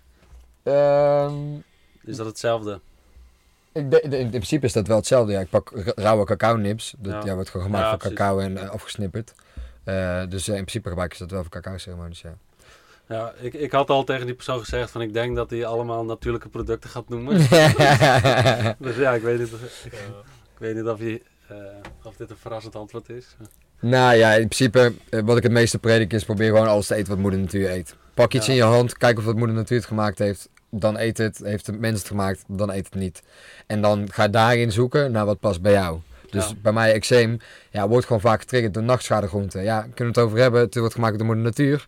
Het is een groente, maar niet voor mij gezond. Ja. En niet als jij daar last van hebt. Ja, precies. Dat is zo'n onderwerp die, die vaak eh, de context eh, nodig is. Want dan roept iemand, ja, eh, want je hebt dan wel de plant paradox, dat Ja, boek. zeker. Ja, dan gaan ook meteen mensen boos reageren van, ja, de planten zijn goed voor je en zo. Ja. Maar, ik heb bijvoorbeeld een histamine probleem gehad voor, twee jaar geleden. Ja, En ik had niks veranderd aan mijn dieet. Eh, dus eh, dat kwam uit het niets. Eh, en toen bleek ook... Ja, ik had elke keer de salade vol met shizzle wat vol met histamine zat. ja. Maar goed, daar denk je daar niet over na. Want ik denk, ja, maar dit eet ik altijd. gezond? en Ja. Dit is gezond. Maar Ja. goed, op dat moment werd het voor mij niet meer gezond. Ja. Ja, dan moet je even aanpassen. Maar die, die context... ehm, ja. Ja, en, en dat is de kennis die natuurlijk heel veel mensen niet hebben. Dat snap ik ook, want als jij al tien jaar lang hetzelfde deed, je hebt er negen, la- negen jaar lang ging je er goed op, ja. maar in jaar tien gaat in één keer alles mis. Maar dat is het hele probleem van hoe langzaam zeg maar, het eten een sluipmoordenaar kan zijn. Ja, dat is wat ik wel tegen mensen probeer te vertellen. Kijk, als jij het idee hebt, je eet al tien jaar lang eh, als ontbijt en als lunch brood, dan kan zijn dat die tien jaar lang goed zijn gegaan. Maar ja, de klokken kan ik op gelijk zetten dat het zeg maar een jaar 11 of jaar 12 wel misgaat. ja. En dat is denk ik ook wat alles rondom gezondheid zo complex maakt. Ja, Ehm, ja, kijk, je kan zeggen van je moet alles eh, eten wat de, de moeder natuur heeft gemaakt en alles wat de mens heeft gemaakt, eh, moet je weglaten. Maar zelfs binnen die afkadering is nog zoveel context nodig. ja, Dus ja, ik kan me goed voorstellen dat het moeilijk is voor mensen die daar net mee gaan beginnen om die eerste stap te zetten. Ja. Juist omdat eh, als je die eerste stap zet, ja, dan ga je nog heel veel fout doen. Maar Ja. Dat is denk ik ook de enige manier, gewoon trial and error. En Ja. ja je zet, zet gewoon die eerste stap. eh, Ja, want je bent dan alsnog gegarandeerd ja, heel veel maar- fouten, maar je komt wel steeds iets dichter bij het begrijpen van die, van die enorme complexiteit en context. Ja. ja, Ja, want dan zeggen ze van ja, ze aten vroeger toch ook al brood. ja. ja. Alleen was het brood vroeger Er net wat anders. Ja, precies. Net wat anders dan het brood wat we ja, nu want eten. Ik denk misschien dat jij die context ook kan geven. Dan, want want, ehm, ja, want aan de vraag te zien, eh, spreek je wel regelmatig over brood uit? Of? Ja. Ja. Dat komt eigenlijk omdat er... Dat is, het is een beetje begonnen ooit een keer met heilige, tegen heilige, heilige huisjes aanschoppen. Ehm, bij ons in de, in de eerste orthomoleculair, en dat is, zeg maar, dat is echt een hele korte opleiding, werd al heel duidelijk op gehamerd dat gluten een bepaalde werking konden hebben bij een groot deel van de mensen. Als je gaat kijken regulier, wordt er altijd gezegd, gluten doet niks tenzij je celiakie hebt. Ja, als je in de praktijk gaat kijken, en zeker als je op een gegeven moment met cliënten gaat werken, wat ik nu eh, twee jaar doe, of langer al, zie ik gewoon bij 99 op de 100 dat dat iets doet. En dat is voor mij echt wel een trigger. Als ik dat eruit haal en mensen hun gezondheid verbetert ineens, dan zit daar meer achter dan wat er alleen verteld wordt. En zeker omdat ik dan ook de kennis heb wat het kan doen met je. Eh, als je dan gaat kijken naar het brood wat ze 10.000 jaar geleden aten, het was een hele andere samenstelling dan het brood wat we nu eten. De tarwe die we nu eten is compleet doorgefokt. Is zeg maar compleet doorgefokt. Niet alleen in het gehalte aan gluten, maar ook aan andere dingen zoals WGA, dat misschien nog wel een grotere boosdoener kan zijn. Eh, ja, ik probeer mensen daar wel bewust van te maken. Dat als je last hebt van bepaalde dingen, en dat is natuurlijk weer dan het gevaar. Mensen kunnen tien jaar lang iets eten en er geen last van hebben en dan ineens last krijgen. Maar zeker als je last hebt van een opgeblazen buik, van winderigheid, van... ja, eh, precies. Maar daar kunnen ze ook last van hebben en dan eh, het idee hebben van ja, zo ben ik nou eenmaal. Want dat, Ja. Ik heb dat zelf ook gehad. Ik, ik, ik had vroeger ook heel veel brood. Ja. En ik, ik was altijd moe, et cetera. Ja. En, en ehm, ja, er werd een beetje zo'n zo'n persoonlijkheid gecreëerd van ja, daar ben zo ik nou. ben ik nou eenmaal. Ja. Ik ben gewoon wat... eh, ja. Ja. En dat ben je niet. Nee, dat is wat ik tegen mensen probeer te zeggen. Je, Ja. Er zit superveel levensenergie in de meeste mensen. Eh, kijk, en als je dat het gevoel nog niet hebt, dat je 's ochtends vroeg wakker wordt, zin hebt in de dag en met energie je dag kan starten, dan is er nog eh, winst te behalen. Ja, dat vind ik ook goed, ja. En dat is een beetje hetgene wat ik probeer te doen. Daarin, ik weet niet of dat ik dat ben, maar ik probeer daarin een inspiratie te zijn. Dat ik altijd met zware gewichten kan gaan gooien, omdat ik altijd veel energie heb. Dat ik altijd alles kan doen wat ik maar wil doen. Ja, dat heeft te maken met mijn energie. En dan slaap ik goed, dan eet ik goed. Dat is wat werkt voor mij. En daarin probeer ik ze maar dingen te geven wat een verstoorder kan zijn. En ik denk daarin dat brood een verstoorder is. Ja. Of eh, het s'avonds laat voor de tv blijven hangen. Ja, want ehm, je zei al over zu- zuivel. Nou, die vraag kwam ook veel terug. Wel of geen zuivel uit de supermarkt. Nou, daar, daar is denk ik de context ook weer... ehm want je zei al, rauwe melk werkt wel goed voor jou. Ja, rauwe zuivel ja, gepasteuriseerde zuivel nee. Dat is eigenlijk eh 99 op de 100 dingen die in de supermarkt is een nee. Denk ik. En, en dat is eh, net als met brood. Dat, dat de samenstelling verandert en, en het bewerksproces verandert en dat de koeien een ander leven hebben. Ehm, hetgene wat de koeien eten, dat is één. Dus ik denk dat de bio-industrie, daar kunnen we lang of kort over hebben, is kut. Eh, hoe dat die dieren behandeld worden is kut. En wat ze eten is ook kut. Sorry voor mijn drie keer, eh, kan ik niet zoveel aan doen. Eh, ik ben een Brabant, ik ben een bossenaar, dus dat gebeurt gewoon. Daar kan ik niks aan doen. Ehm, het, hetgene wat het dier wordt natuurlijk ook wat hij eet. Dus als een dier heel veel soja en graan eet, ja, wat wordt het dier dan zelf? Wordt het ook soja en graan. Nou, wat komt er dan uit de melk? Ja, soja en graan. Dan kan je je afvragen of dat goed voor je is. Als dan het enige wat goed is, dat eigenlijk in die melk zou zitten, er ook nog uitgebrand wordt. Omdat we dan denken dat het gezonder is, of dat het dan in ieder geval eh, eh, beter eruit ziet voor de meeste mensen. Ja, dan blijft er niet zoveel gezonds over. Ja, en langer houdbaar natuurlijk. En langer houdbaar. Ja, Want dat is met rauwe melk, ja, dat kun je niet al te lang in je koelkast houden. Nee, dat zou ik vooral, vooral niet doen. Nou, het mooie is wel, kijk, wat ik bij melk, wat heel veel mensen eh, bijvoorbeeld niet weten, is dat er sto- stoffen aan toegevoegd worden om überhaupt te zorgen dat de melk eruit ziet als melk. Eh een van de grote triggers waarom ik supermarktmelk, waarom ik daar geen fan van ben, is gewoon door emulgatoren. Er wordt iets toegevoegd om ervoor te zorgen dat de melk eruit ziet als melk. Nou, als je melk bij een boer gaat halen, laat het eens een pot, nacht in een eh, glazen pot staan. Ja, De dag daarna is het in drie verschillende lagen verdeeld. ja. Dan is het vet, eiwit en vocht, zeg maar. Maar goed, er zijn ook heel veel mensen die hebben wat eh, hyg- hygiëne-dwang. dus die zijn heel erg bang voor, ehm, Ja. ja. voor rauwe, rauwe melk natuurlijk. Ja. Ehm, ja, ook, ook wat betreft kinderen. Ja. Zou je dat ook kinderen aanraden? Eh, Ik kan geen advies geven over kinderen, maar kan je vertellen dat mijn kinderen gewoon rauwe zuivel krijgen. Ja. Dus mijn kinderen die eh, worden opgevoed zoals ik eh, eet, denk ik. En ik denk dat ik daarin de juiste keuze maak. Ja. Maar het is geen advies. Eh, gra- grappig, zo zeg ik het ook altijd. maar Ik geef geen advies, maar... Hey, eh, ik heb eigenlijk zelf nog wel een vraag. Als dat even mag. eh, als ik de- Natuurlijk, de ja, kijkersvraag weer mag Instagram kunnen indienen. Maar, ik heb volgens mij wel iets ingediend. Oké. Ik weet niet meer wat.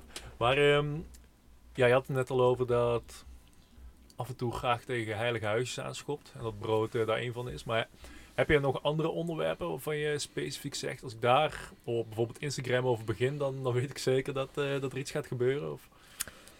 Ehm, de zon. Ja, Daar wilde je ook naartoe. naartoe. Oké. Nee, daar wil ik niet specifiek naartoe. Nee, ja, de zon. Ehm, nou, het grappige is, recente. ik heb hier dus twee jaar geleden al een blog over geschreven.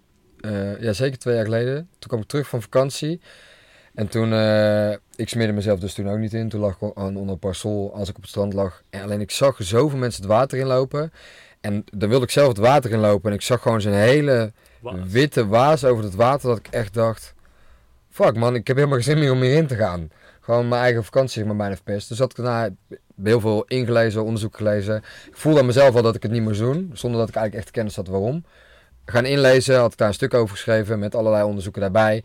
Ja, en toen ik dat online gooide, nou dat was gewoon zeg maar een, eh, of dat ik aan de muur gespijkerd werd. Ja? Hoe dat ik het in godsnaam met mijn hoofd durfde te halen om zo'n artikel te schrijven. Want dat was dus al twee jaar geleden, of Ja. drie jaar geleden zelfs. Twee jaar geleden. Ja, is nu twee jaar geleden. Ah, kijk, en wat was de strekking van het artikel? Was het hetzelfde al? eh, Eh, de strekking van het artikel was, als je wil smeren, prima, maar smeer geen troep. En de grootste strekking was, ik denk niet dat je het nodig hebt om te smeren. mm, Alleen, ja, twee jaar geleden, en nu is het natuurlijk helemaal oorlog rondom de zon. Eh, twee jaar geleden had nog niet- nooit iemand daar überhaupt van gehoord dat zeg maar, eventueel zaadolie wel een invloed kon hebben op het verbranden van je huid, ja of Ja. nee. En je merkt nu, er is nog steeds een hele grote eh, strijd gaande, maar je merkt wel dat steeds meer mensen daar wel iets over gehoord hebben. Dat is positief. Maar nog steeds een heel groot deel van de mensen die daar echt absoluut niet mee eens is. Ik vind het ook wel grappig dat je nu, nu zonnebrand hebt waarop staat van eh, koraalproof. Ja, Dan denk je ja, dat het koraal doodgaat van het spul. Want je zei al, ik zie het dan in, in het water eh, liggen. ja Het koraal gaat allemaal dood eh, van die zonnebrand. En, en dat mensen denken, van, ah, de- ah, het is goed voor doet het mij. niet. Ja, oh, oh, oh. Ja, dit is de, de beste tip voor, voor luisteren. Als zulke soort dingen erop staan. Je hebt ook bijvoorbeeld muggensprayen. Ik, had een, ehm, ik ging dus naar Zweden om een canoe trip. En er zat een potje eh muggenspray zat daarbij. En er stond dan achter, niet mee in het water gaan, want dan gaan de vissen van dood. Ik zweer het, het stond gewoon op het potje, zeg maar op de gebruiksaanwijzing. Ja, als ik dat dan lees, dan gaan bij mij alle alarmbellen af. Oké, als dieren de dood voor gaan in de zee, wat doet het dan met mij? Ja. Maar ja, 9 van de 10 mensen, en dat snap ik ook, dat is geen aanval, die lezen de achterkant niet. Nee, Ja. maar- vind je ook in dat we daar meer in beschermd moeten worden? Want ja, ik ben eigenlijk helemaal niet voor meer bescherming. Alleen met dit soort dingen vraag je af hoe is het mogelijk dat het op de markt eh, is. Ja, ja deze wordt een... eh, die kunnen we zeg maar een aantal verschillende kanten op. ik, denk niet, Ja, jij mag kiezen. ik denk niet dat het altijd draait om de gezondheid van de mens. Ik denk dat het grootste deel alleen maar om geld draait. En dan eh, degene met het meeste geld die bepaalt. Dat denk ik. Ehm, en daarin zie je dus ook met dit soort eh, middelen het verkoopt. En Ja. mensen willen alles makkelijk hebben. Dus die wil niet gepikt worden en die wil niet eh, verbranden. Dus wat is dan een makkelijke oplossing? Ja. Wat, wat ik las, toevallig gisteren gepost over een eh, krantartikel van het RIVM-onderzoek. Die eh, zegt van ja, de natuur ehm, eh, beschadigt nu zo snel omdat we elke 1,4 seconden komt er een nieuwe chemische stof op de markt. En ze zeggen van ja, het gaat met zo'n grote snelheid dat het op de markt komt dat we helemaal geen tijd hebben om, om te checken of het Mm. gezond is of of het slecht is of, of dat, de, dat de natuur doodgaat. Dat je denkt van hé, maar dat is de omgekeerde wereld. Ja. Want eh, voordat het überhaupt op de markt mag komen, moet jij zeggen dat het goed voor ons is of Ja. niet. Want eh, ja, als het, als het op de markt is en je, en je zegt over tien jaar van oef, had, zo eigenlijk niet gemoeten. Ja, da- daarin denk ik van ja, daar, maar ik denk dat heel veel mensen wel met de veronderstelling leven dat wij beschermd worden voor dat soort dingen. Ja. En dat ze daarom denken van oké, het ligt in de winkel, dus wij hebben instanties die kijken of het goed voor ons is. Maar als ik dan nu lees van elke 1,4 seconden komt er een nieuwe stof op de markt waar, waar de instanties geen tijd voor hebben om te controleren. Ja, wat zegt dat dan over al die producten? die Heb je ehm, toevallig, Zembla heeft hier ooit een af- aflevering over gemaakt, over medicijnen. Ja, ja. Toevallig ooit gekeken? Ja.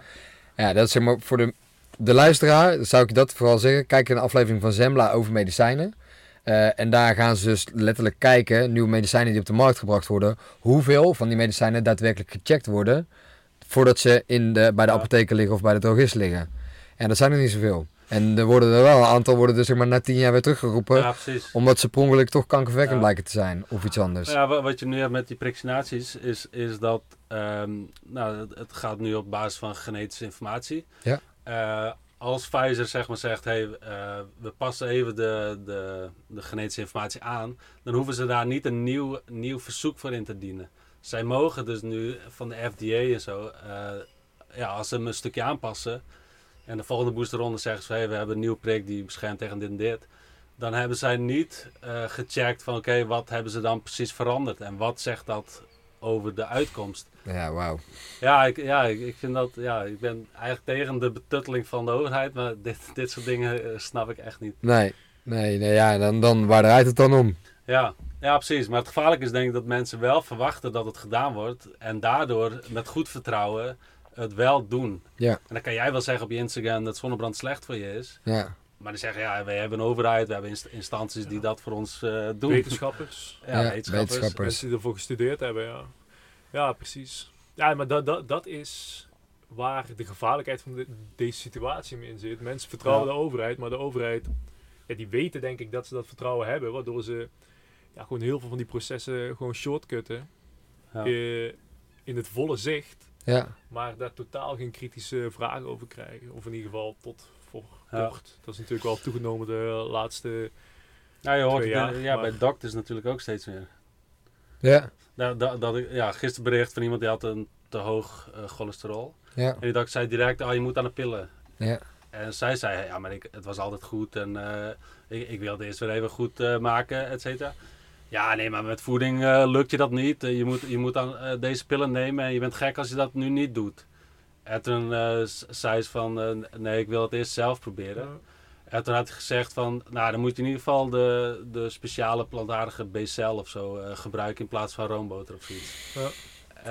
Ja. Ja, jongen. Maar zij hebben wel de, de God-modus van vertrouwen, zeg maar. Ja, ja die, die God-modus gaat er denk ik wel steeds langzamer af. Zeker richting onze generatie denk ik dat die God-modus er wel een beetje af is. Ik denk zeker bij onze ouders dat die er wel nog zit. Eh, die zijn natuurlijk gewoon opgegroeid met ja, de dokter is heilig en wat de dokter zegt is waarheid. Ja. Ik denk dat het wel steeds minder begint te worden. Eh, het voorbeeld wat je noemt, ik heb natuurlijk een aantal mensen die ik één op één begeleid heb. Dit is voor mij geen nieuw verhaal. Nee. Alleen dat er steeds meer mensen naar mij toe komen in plaats van dat ze dus klakkeloos vertrouwen op een pilletje voorschrijven. Ja, dat vind ik echt wel een mooi teken. Ja, maar ik vind, ik vind het ook wel echt eh, ja, zorgwekkend, omdat je, zeker in Nederland, want ja, ik ben ook wel in arme landen geweest, zo, daar, daar, daar ben je bewust van dat de medische zorg niet aanwezig is of niet goed is. Ja. Dus dan gedraag je net iets anders misschien. Maar hier in Nederland eh, hebben we ook heel erg het idee van, ja, we hebben toch wel een vangnet en als er iets is, ga je Ja. dokter. Maar als je, als, je, ja, als je dier steeds minder kan vertrouwen voor je gevoel. Ja. Want ja, bij mij was vorig jaar ook antidepressiva aangesmeerd eh, door dat histamine verhaal. ja. Dus eh, ja, door, Cool. mijn, door mijn voeding even vijf dagen of drie dagen was het al anders. Maar die had gezegd, ja, je moet even twaalf maanden dit eh, slikken. Eh, Wow. Echt binnen vijf minuten had hij dat eh, beslist, omdat de bloedwaarden en zo allemaal goed waren. Ja. En toen zei hij, ja, ik denk dat het mentaal is, zei hij tegen mij. Nou, ik zei, ik denk het niet. Ja, toen, toen heeft hij dat pakje meegegeven en toen heb ik het nog meegenomen. Ik dacht, ja, dus, Toch een dokter die het zegt. Hij zal het Nee, niet zeggen. nee, ik, ik had niet eh, zoiets van ik ga het slikken, maar omdat hij, hij het begaf en eh, het was toevallig in Oostenrijk en het gratis. Dus ik zei, nou geef me mee, dan heb ik een goed verhaal. maar ik genomen, dat is hoe bizar, hoe snel dat dan gaat. Maar dan dat je het vertrouwen eigenlijk, want wat nou als je echt wat hebt, Ja. waar ga je dan naartoe?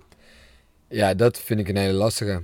Eh, wat als je echt wat hebt. Kijk, voor acute zorg, dan Ja, vertrouw ik blindelings op wat ze in het ziekenhuis Ja, doen. Als ik 100%. mijn been breek, dan ga ik. Maar als ik niet lekker in mijn vel zit, zeker weten van niet. Als ik eh huidklachten krijg, darmklachten krijg, wat dan ook, zeker niet. En waar ga je dan wel naartoe? Want dat, dat is denk ik... Ja, voor, Fix voor de, mezelf. lu- nou ja, voor de luisteraars, die, die hebben natuurlijk ook van alles. En die, die zitten ook met het zelfleven van ja, ik wil geen pillen slikken. Maar ik heb misschien Ja. hoge bloeddruk en de dokter zegt je moet dit slikken. Kijk, ik heb gewoon zelf heel erg gezien hoe goed de natuurgeneeskundige de alternatieve geneeswijze kan helpen. Voor mij. Dus heel vaak als mensen met hele lappe tekst komen verhalen wat ze hebben. Dan 9 van de 10 keer stuur ik terug van joh, kijk even in de buurt bij jou naar een alternatieve arts. Of een, misschien zelfs een uh, orthomoleculair arts of een orthomoleculair therapeut. Die in ieder geval iets meer gedaan heeft dan alleen arts. Dus dan alleen de geneeskunde, reguliere geneeskunde. Vaak als iemand reguliere geneeskunde arts is en daarna ook nog orthomoleculair of iets in die richting alternatief erbij gedaan heeft. Ja, dan heb je zeg maar zo'n magisch plaatje. Want die zal wel gaan kijken waar het vandaan komt en Ja. die zal het bij de oorzaak aanpakken. Dus orthomoleculair therapeut, ik ben daar gewoon wel fan van. Ondanks dat ik ook wel veel slechte kanten zie aan orthomoleculaire therapie, zijn het vaak wel mensen die veel verder kijken en die graag op zoek gaan naar de oorzaak. En wat zijn dan die slechte kanten? Heel veel met suppletie werken. Oké. Dat vind ik een. eh, ik heb toevallig eh, vandaag keek ik een berichtje van een meisje. eh, die wilde eigenlijk bij mij in behandeling, om het zo te zeggen. Ik had geen plek voor haar. Dus ik heb gezegd: joh, lijkt me een goed idee dat je even bij jou in de buurt gaat zoeken. Ze wonen. Maakt niet uit waar ze wonen, in ieder geval een stuk van mij vandaan. Eh, maar die is dus bij een andere orthomoleculaire therapeut aan de slag gegaan. Eh, die mailt nu, vijf maanden later, mailt ze mij opnieuw. Dat ze daar aan de slag is gegaan. Dat ze twaalf supplementen, eh, drie verschillende olies moest gaan gebruiken. nog van alles en nog wat. Of dat ik toch alsjeblieft met hem mee wilde kijken. Ja. Ga ik ook doen, omdat ik dan dus zoiets heb. Oké, nu voel ik me toch wel een beetje geroepen om ook wel mijn eigen branche een beetje in bescherming te nemen. Want ik denk niet dat dat de oplossing is. En als iemand niet als eerste kijkt naar hetgene wat je in je mond stopt, dan doe je eigenlijk hetzelfde Ja. als de reguliere geneeskunde. Ja, maar ik wil nog even terug naar, naar die vorige, want, eh, want er komt er weer een nieuwe dimensie aan het, ehm, nou ja, aan het technologie. Dus Ja. hier is ook de vraag, eh, hoe ziet Joep de toekomst van voedsel? En ja, we hebben vorige week volgens mij de opening gehad van, eh, van 3D voedselrestaurant of 3D vlees. Ja, Ehm, ja, zie je daar echt toekomst in? Ja, Ik- het is een beetje een vraag. en vraag naar het bekende werk. Maar ik denk dat de meeste mensen die mij ke- kennen, eh, echt geen haar op mijn hoofd dat ik dat ooit naar binnen werk. Ik kan me gewoon niet voorstellen op geen enkele manier dat dat voedzaam is voor het menselijk lichaam. Nee, gewoon eten wat moeder natuur gemaakt heeft en daar Ja. gaan we het in vinden. En dat zouden we meer moeten gaan doen. Wa- Want je hebt de ingrediëntenlijst ook opgezocht. Van- van- dat bij jou op? Van het 3D geprint vlees? Nee, ik had van een ander had ik. Ik had van een, eh, eh, van een, fles, een flesje voeding. Dus er zit eh hapslik weg. Nee, oh, de drinkslik weg stond er zoiets bij. This is food. Stond er op het flesje. En daar had ik de ingrediëntenlijst voorbij gepakt. Ja, dat is gewoon eh, puur vergif, zeg maar. Ja, Ja. als dat de toekomst van eten is, ja, dan veeg mij maar op hoor. Leg mij maar ergens eh, in een ver land eh, dat ik mijn eigen eten kan gaan Ja. verbouwen, zeg maar. En ik moet ook zeggen dat het wel moeilijk vindbaar is wa- wat er nou precies in zit en eh, hoe het dan gemaakt wordt. Maar ik zag in ieder geval plantaardige olie zag ik overal Ja. terugkomen. Ja. Ja, wordt gewoon als basis gebruikt. Ja, Vaak is het plantaardige olie, zijn het eh, gehydrateerde eiwitten die ze ergens vandaan plukken uit soja, ja. eh, tarwe, iets in die richting. En dat is dan de basis. Ja, wa- wat ik daarin ook mis is, is wel zeg maar de, natuur, ook al is het een dier of een plant of zo, die met microben en, en, en gewoon eh, de levensenergie die zij opbouwen vanuit nou, de zon, de, de, de bodem, et cetera. eh, die mis je helemaal in dit eh, vlees. Dus er wordt heel erg gekeken naar macro's. Dus dat is ook nog Ja. wat je macro's zijn. Maar, eh, maar helemaal niet naar de micro's. Van, ja, wa- wat zijn nou de micro's van 3D geprint vlees? En zit Ja. daar wel genetische informatie in? Of is het allemaal kunstmatig? De- Het product is letterlijk ontkoppeld van de natuur. Ja, Waardoor het de informatie per definitie mist. Dus je, je kan het wel in je nemen, Ja. maar als het eenmaal in je is, dan missen de instructies, de, de begeleiding van, van die Ja. natuurlijke informatie als het ware, om het op, op de juiste plekken te krijgen, om het, eh, precies dit. om het te, te verwerken. Ja. Ja. Dus het is, het is gewoon dood, Ja. eigenlijk. Ja, dat, dat is eigenlijk het- hetzelfde met calorieën uit de supermarkt. Ja. Dus, ja, na de Tweede Wereldoorlog werd gekeken van oké, hoe kunnen we zo goedkoop mogelijk zoveel mogelijk calorieën maken zodat niemand meer honger heeft. Ja, Dus dan heb je heel veel calorieën voor heel, veel, heel weinig. ja, Maar het- de informatie ontbreekt voor je lichaam. Dus- ja. ja, ik vind het wel mooi wat je zegt. De informatie die het haalt uit de zon, die informatie die het haalt uit de bodem. Het groeiproces is niet voor niks dat dat even duurt. ja. Het is niet voor niks dat dat Nee. niet binnen drie tellen dat dat gegroeid is. Of dat dat ineens staat op vier benen en in Ja. één keer eh, zo volgroeid is. Dat kost een aantal jaar. ja. En waarom denken wij dat, het dan, eh, dat we dat proces zeg maar, zo kort kunnen maken en dat het dan voedzaam is voor ons?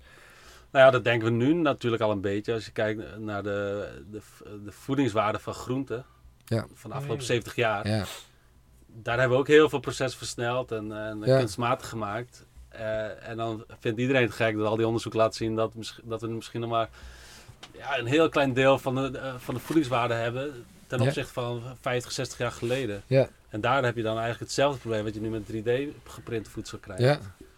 Ja, ja, alleen dan zou ik zou zelfs dan maar voor kunnen gaan naar een natuurlijk product Ja, waar dat bijna niks meer in zit. Ja. Dan dat ik ooit zo, zoiets zou gaan eten. Dus, Ik ga het eh, ook niet proeven. Maar je denkt wel dat de toekomst is. zit. Je denkt wel dat, dat, dat de... Ik eh, hoop dat de toekomst erin zit dat mensen het gaan gebruiken als honkbal of zo. Of iets eh, in die richting. Ja, nou, ik ben er bang voor. Ehm, ja, hoeveel eieren kunnen volwassenen eten? Is ook zo, eieren is ook altijd zo'n vraag die, die Onbeperkt. Eh, hooikoorts, heb je daar ehm. Iets voor? Ehm ja, hooikoorts is wel complex en dat is ook niet per se een quick fix. Ik denk wel dat hooikoorts, eh, een überhaupt een allergische reactie vaak ontstaat vanuit de darmen. Eh, dat als er in de darmen iets niet helemaal pluis is, dat dat een bepaalde reactie geeft, waardoor dat je allergisch reageert. Eh, dus zeg maar, de slijmvliezen die in je darmen zitten, zitten ook rondom het neusgebied. Het is vaak dat daar dan een eerste reactie terechtkomt. Hetzelfde ook wel met eczeem met huidklachten. Dat is vaak dat het hier dan tot uiting komt.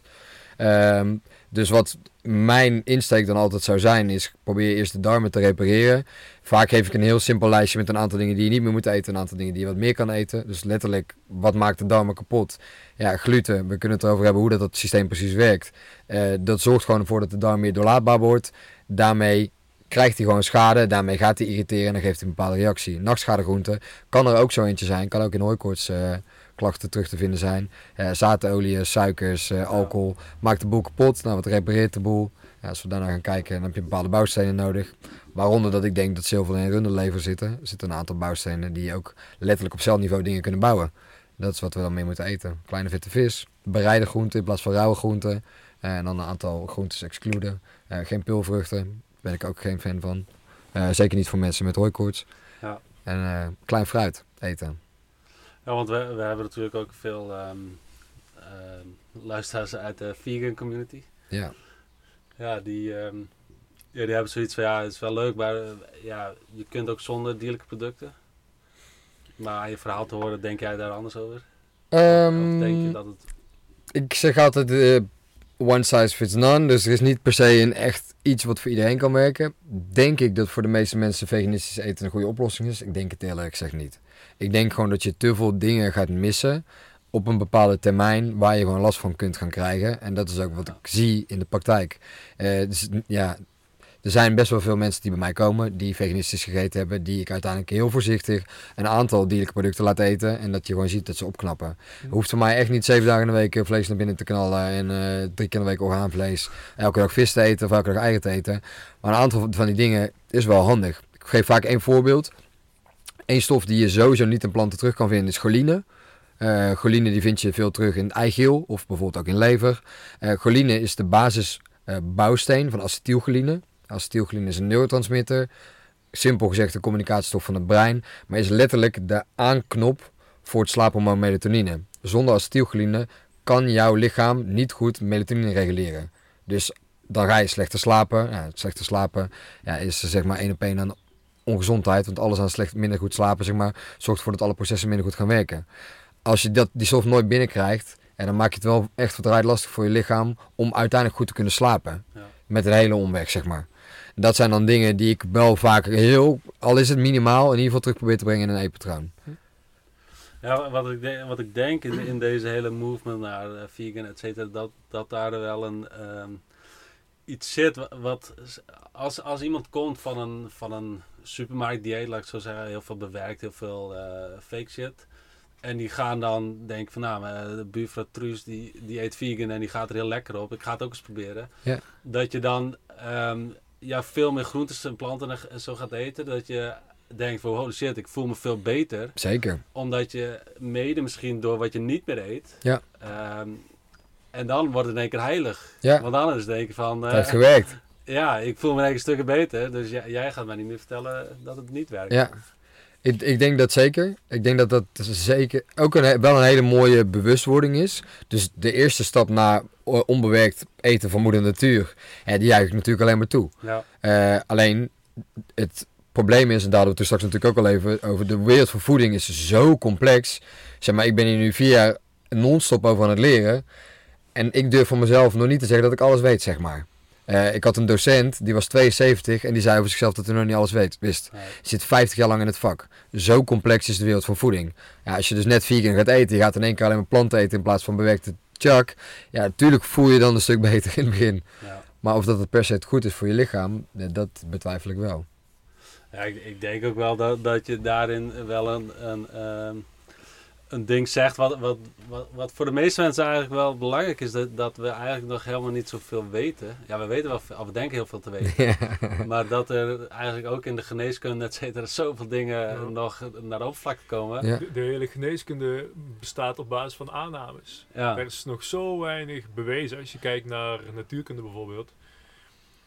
Heb je ES, uh, ESMC kwadraat. dat, dat kan je gewoon is gewoon axiomatisch uh, zijn waarheid. Dat kan gewoon narekenen, dat klopt overal. Er zitten ook haakjes en oogjes aan. Maar in de, in de geneeskunde, bijna alles is gebaseerd op aannames. En dingen die niet ehm, die je niet uh, van de ene situatie op de andere situatie kan verplaatsen en dan kan repliceren. Dus ja, dat is gewoon enorm lastig. En daarom Kijk, we doen allemaal uh, randomized controlled trials. We ja. gooien 200, 300, 500.000 mensen op een hoop. Uh, trekken het gemiddelde uit en dat gaan we toepas toepassen op anderen. Ja.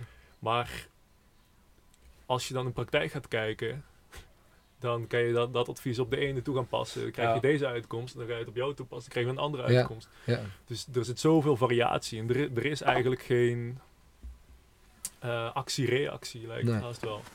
Het is allemaal iedereen zou eigenlijk zijn eigen blueprint moeten ontdekken. Ja. hoe doe jij dat zelf dan? Want jij bent natuurlijk, je leest ook veel onderzoeken, je bent daar ook best bekend mee. Ja. Hoe eh, segmenteer jij het voor jezelf? Hoe bepaal je voor jezelf wat, wat goed of waar is of niet voor jou? Nou, als ik een onderzoek lees, dan, dan wil je enorm goed naar de onderzoeksmethode kijken, naar de onderzoeksgroep waarin, die, uh, waarin dat onderzoek gedaan wordt.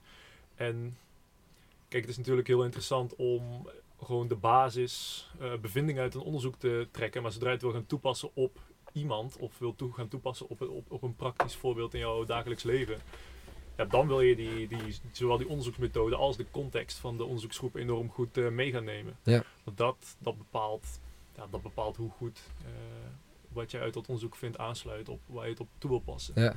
Maar wat, wat ik de laatste tijd veel interessanter vind, is kijken naar ja, de evolutie ook. Dat is eigenlijk een, een veel groter en langer stuk aan, aan bewijzen, aan kennis, aan informatie.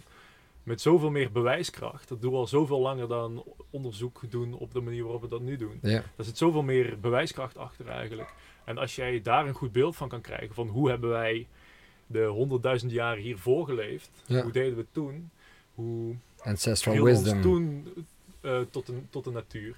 Dat is wat mij betreft veel leerzamer. is ook moeilijker, want dat betekent dat we, als we optimaal gezond willen zijn, als we lekker in ons vel willen zitten, dat we eigenlijk terug moeten naar die eh, situatie. Ja. Maar ik denk wel dat dat de enige manier is om, ehm, nou in ieder geval voor zo'n groot mogelijk groep mensen resultaten te behalen. Dat, dat, dat zijn de uitkomsten en dat is de informatie waar je het allermeeste mee kunt. Ja. Ja, ja, wat een ander onderwerp wat, wat, wat, eigenlijk, wat ik de laatste jaar of zo eh, interessant vind, is, is bijvoorbeeld eh, het microbioom. Ja. Dus eigenlijk hebben we gewoon de afgelopen 50, 60 of misschien wel langer echt zo'n hygiënedrang gehad. Van alles moet schoon, alles moet dood, alles is vies. ja. Alles buiten is vies en moet, moet eh, ja, schoenen, eh, handjes wassen. eh, Ja. zeker in de coronaperiode. Maar als je dan nu ziet dat, dat bijvoorbeeld genetische expressie heel erg afhankelijk is van het type microbioom dat je hebt, de variatie en de hoeveelheid, zeg maar. En dat, dat door bijvoorbeeld pesticiden, maar ook antibiotica's en, die we allemaal gebruiken, dat, ehm, ja, dat de hoeveelheid die we hebben en de variatie daarin eh, een grote rol speelt. Ook in, de, in kanker bijvoorbeeld. Ja. Maar ehm, ja, dat, je, dat we daar zoveel vernietigd hebben in de natuur. En als je naar kijkt van oké, we gaan eh, voeding printen en zo, waar het dan helemaal ontbreekt. En als, ja, wat jij al eerder aangeeft, ja, de darmen zijn bij heel veel mensen naar de kloten. Ja. Met allergieën en, en eh, hooikoorts en wa- wat alleen maar groeiend is. Ja. Eh, ook daarin weten we gewoon nog heel weinig. En dat komt nu he- helemaal naar, naar boven. Van holy shit, we, we, we, ja, waren heel gericht op hygiëne. Ja. En in één keer blijkt dat we die Dat nodig slim. hebben eigenlijk. Dat, dat, eh, Ja. dat je bijvoorbeeld bij specifieke kankersoorten, dat, daar ook, dat ze dat terug kunnen leiden aan specifieke Ja. het ontbreken van bepaalde... Ik eh, moet, moet zeggen dat, dat dat ook een van de triggers was voor mij. Dat ik zag dat er de afgelopen twee jaar heel veel niet klopte. Want voor mij werd vroeger juist altijd gezegd: lekker in de zandbak spelen, laat die jongen Ja. maar vies zijn, zand in zijn mond stoppen. Dat is goed voor hem. ja. Zeiden mijn ouders letterlijk. Ik was gewoon heel dag buiten, ja, tussen de paarden in de viezigheid. En dat was goed voor me.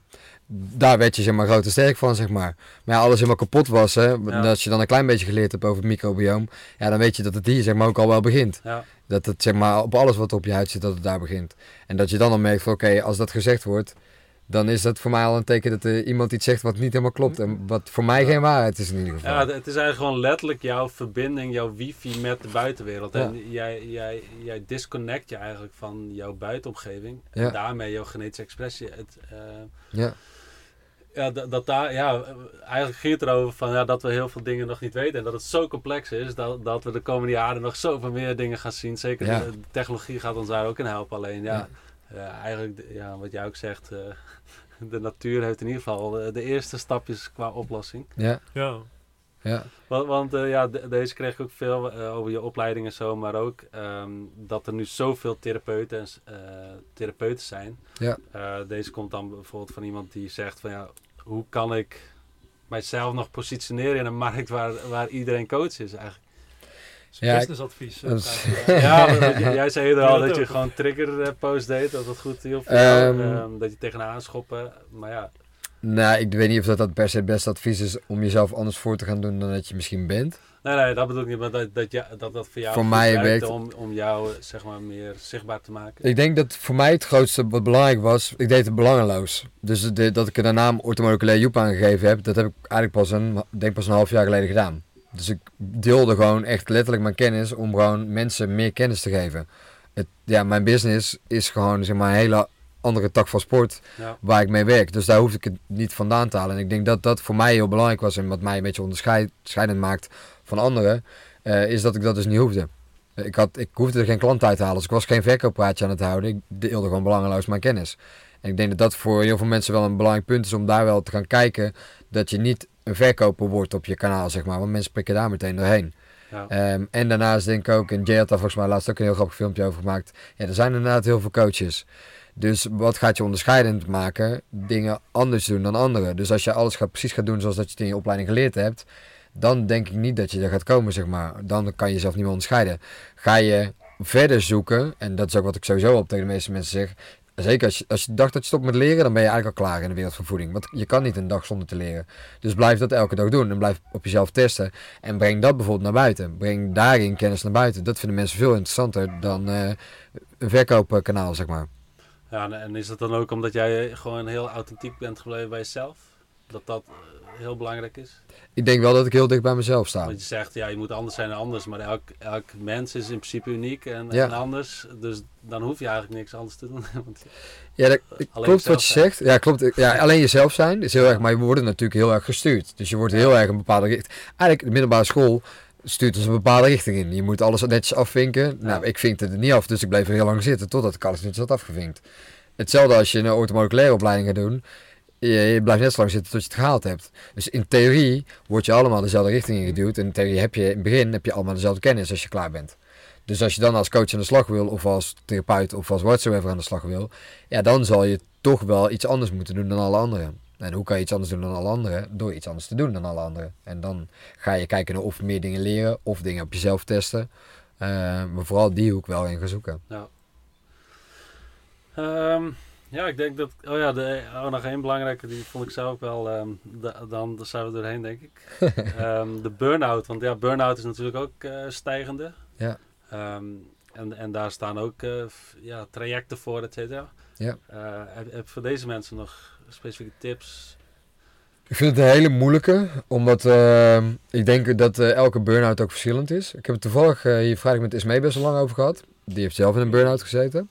Schijnen wij binnenkort ook langs te Ja, gaan. daar ga je langs. Die, eh, Zeker bij Ismee vragen, eh, want zij heeft daar eh behoorlijk last van gehad. Ik ga haar verhaal niet vertellen, mag ze zelf doen. Maar ik heb het met haar daar wel lang over gehad. Om, er zijn gewoon heel veel verschillende type burn-outs. Ze ontstaan allerlei vanuit, vanuit een verschillend perspectief. Komen, komt een burn-out. Het enige wat wij vaak proberen is mensen zo belastbaar mogelijk te maken in waar ze in kunnen. Kijk, als je niet belastbaar bent en je wordt heel erg zwaar belast, dan gaat het een keer wringen. Of dat dat mentaal is of fysiek is. Vaak is het één op één aan elkaar. Zeker eh, richting burn-out eh, klachten.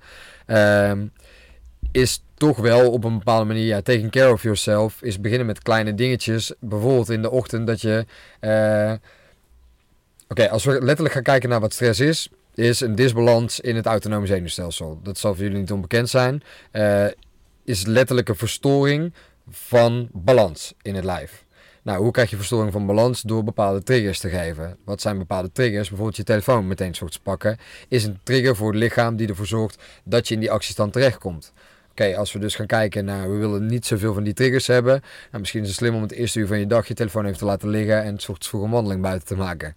Dat soort tips, die proberen wij bij werknemers vooral heel erg naar binnen te brengen. Om ze daarmee meer belastbaar te maken voor de rest van de dag. Dat je die triggers gaat krijgen, ja, dat staat buiten kijf, zeg maar. Zeker als je werkt, kan je niet omheen. Je moet presteren, want anders krijg je geen geld of je wordt er buiten gegooid. Eh, dus die, tijdens die werkdag moet je sowieso op het topniveau presteren. Ja, is het dan slim om dat vanaf ochtends vroeg meteen in dat actieniveau te zitten? Of ga je dan kijken naar de warming-up? Zorg je dan voor een rustige opstart en het eind van de dag voor een rustige afsluiter?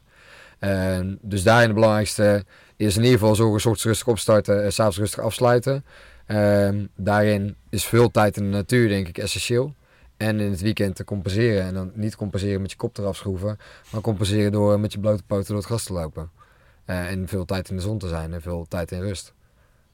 Ik denk dat dat de beste tip is die je kan geven. Verder is ja. het super complex. Want we eindigen meestal de podcast met de vraag van... eh, wat had je graag in school willen leren? Wa- wa- Wat heb je echt eh, specifiek gemist?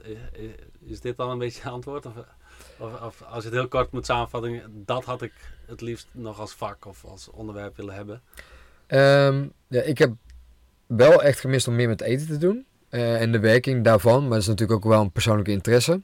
Ehm, maar eigenlijk alles leren over eh, bijvoorbeeld stresssystemen, hoe dat, dat werkt. Dat je daar een klein beetje op voorbereid wordt. eh, met de dag op een bepaalde manier starten. Dat het goed voor je is om met je blote voeten door het gras te lopen. In plaats van altijd met je schoenen aan te zijn. Eh, dat je bijvoorbeeld leert om te mediteren. Ik zag laatst een video voorbij komen van een school, een middelbare school, waar dat ze dat dus doen. Dus voor de examenstress heeft die docent gewoon gezegd: we gaan alle leerlingen laten leren mediteren. Ja, dat soort dingen vind ik fantastisch. En dat zouden ze, voor mij betreft. Op alle scholen mogen gaan, eh, gaan Ja, brengen. want je zegt eh, voeding is persoonlijke interesse, maar in principe heeft iedereen een lichaam. Ja. En eh, iedereen wil die ook zo, ja, dat die zo goed mogelijk werkt. Dus Ja. dus ja, persoonlijke interesse in voeding, ja, telt dat eigenlijk wel? Ehm, ja en nee. Ik denk natuurlijk het gevaar voor jongeren. Kijk, als je gaat kijken de, in de afgelopen jaren hoeveel meer eh, mogelijkheden er zijn gekomen voor jongeren om ongezond te eten. Hoeveel reclame dat daarvoor gemaakt wordt. En hoe goedko- spotgoedkoop het is. En de blikjes energiedrank die zijn zomaar standaard in de aanbieding voor 20 cent per stuk. Ja, Ja, ik kan wel begrijpen dat, eh, dat die massaal gekocht worden door studenten. Want dat is een stuk goedkoper. Zelfs goedkoper dan een flesje water kopen. ja. Ja, en dan kan het zelfs dat het Maar is het daarom wordt. juist niet, eh, ja, als je er niks van weet en je denkt gewoon, ja, calorieën of, of eh, heel basaal denk je erover. Ja. Zou, je niet andere keuze maken als je wel eh, daar eerder iets van weet, dat het inderdaad je interesse wekt van, hey, eh, het heeft heel veel invloed op hoe, hoe ik me voel, hoe ik me gedraag, Ja. eh, et cetera. Ik denk voor veel, heel veel wel. Ik denk dat het, dat het sowieso geen kwaad kan om het zoveel meer te leren in ieder geval. Laat ik het zo zeggen. Ja. Eh, of dat iedereen erin meegaat, dat is natuurlijk altijd het tweede. Ehm, Maar als jij bijvoorbeeld eh, in de basisschool met je stoplichtkaartjes eh, als leraar had gezegd, hey, we kunnen jou wel wat rustiger of gefocuster krijgen of, of iets eh, door een bepaald voedingspatroon of zo. en het zou werken, zou dat dan... dat zou wel super interessant zijn, denk ik. Ik denk dat het heel zou, je daar dan voorop staan op, op die leeftijd dat je denkt, eh, oké, eh, oh, het, het werkt. Eh, Ik denk dat je dan vooral doet wat je opgedragen wordt, om het zo te zeggen. Dus als dan de leraar iets zegt, dan moet je het toch doen. Anders krijg je daar uiteindelijk zelf last van. Denk, en dat is natuurlijk ook een beetje een eh, discutabel puntje. Of dat er dan altijd gezegd is, wat, wat er allemaal gezegd wordt, of dat dat dan precies de waarheid is. ja. Ehm, ik denk wel dat het heel goed is om eh, vooral kindjes daar al in mee te nemen. Wat ik heel mooi vind van vrije scholen bijvoorbeeld, is dat bijvoorbeeld wel eens een groentetuin is. Dat ze zelf ehm, leren om groenten te planten. Dat ze dus daarmee automatisch ook al veel in de buitenlucht zijn.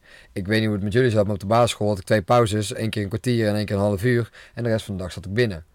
Zeg maar, daarin zou al wel een flinke switch gemaakt kunnen worden. Is dat Eh, nu al niet zo? Dat, want ze zijn smiddags allemaal vrij, toch? Of niet? Dat, dat ze tot half twee zitten. En Waarom daarna kijk nou naar mij? Jij bent de jongste, Ik denk kon- ik. Ja, ik kom er net vandaan, maar... eh, dat is klaar. ehm, ja, wij zaten tot half vier, maar nu is het toch... eh, ja, nee, ik zat tot half drie op de, op de basisschool, ging het over? Ja. Ik zat tot half drie op de basisschool. Oh, dan had jij al een uur... eh, een uur. Ja, zie wat voor mij terecht is. Als dat uurtje er maar eh, aangehouden. Ja. Eh, maar om antwoord te geven op je vraag, ik denk dat alle facetten van vitaliteit, maar ik denk ook dat het breder gaat dan vitaliteit. Eh, ze leren over geld, hoe dat je daarmee omgaat. Ehm, leren over eventuele toekomstplannen maken. Leren wat je zelf leuk vindt, wat je eigen, eh, misschien, nou, purpose dat dat misschien wat ver zou gaan, maar in ieder geval wat je hier komt doen op deze wereldbol. Ja. Dat je leert om dingen terug te geven. Dat het belangrijk is om te dienen dan alleen maar te pakken. Ik denk dat vo- vooral in heel die hoek, dat daar heel veel, eh, heel veel winst te behalen is, ja. Eh, ja, maar eh, mogen we je bedanken voor je tijd. En, eh, Zeker. ik, ik, ik heb eigenlijk nog wel zoiets van, ik wil nog een keer een podcast maken dat we echt tegen dingen aangeschoppen. Want ik, had, ik had soms het idee dat je... Dat je, dat je- daar een dat- rubriekje van kunnen maken. Ja, dat, je- dat, je, ja, dat we ja, daar verder op in konden gaan op, op bepaalde systemen en dergelijke. Ik denk dat het misschien nog wel leuk wordt om dat ook een keer te doen. Maar eh, Zeker. ja, super bedankt, super leuk dat je tijd voor ons eh, Yes. Vrij wilde maken. Ja, Ja. superleuk. Bedankt voor de Brabantse gezelligheid hier. in Keulen. Het stroomt er bijna van over. Eh, Ja, man. eh, lekker, maar hoe voelt het om in Brabant te zijn? ja heerlijk. heerlijk. ja, nee, het is altijd goed hier. ja. We zitten eh, ja, ook veel hier. Alsof hier de... We worden toegezogen. Ja. Ja. Ja, ik weet niet wat hier in het eten zit dan misschien. Ik kan jou wel vertellen wat hier in het eten zit. Eigen dieren. Eigen dieren. Daar begint het. Nou, thanks. Jullie bedankt, Yes, mannen. bedankt jongen.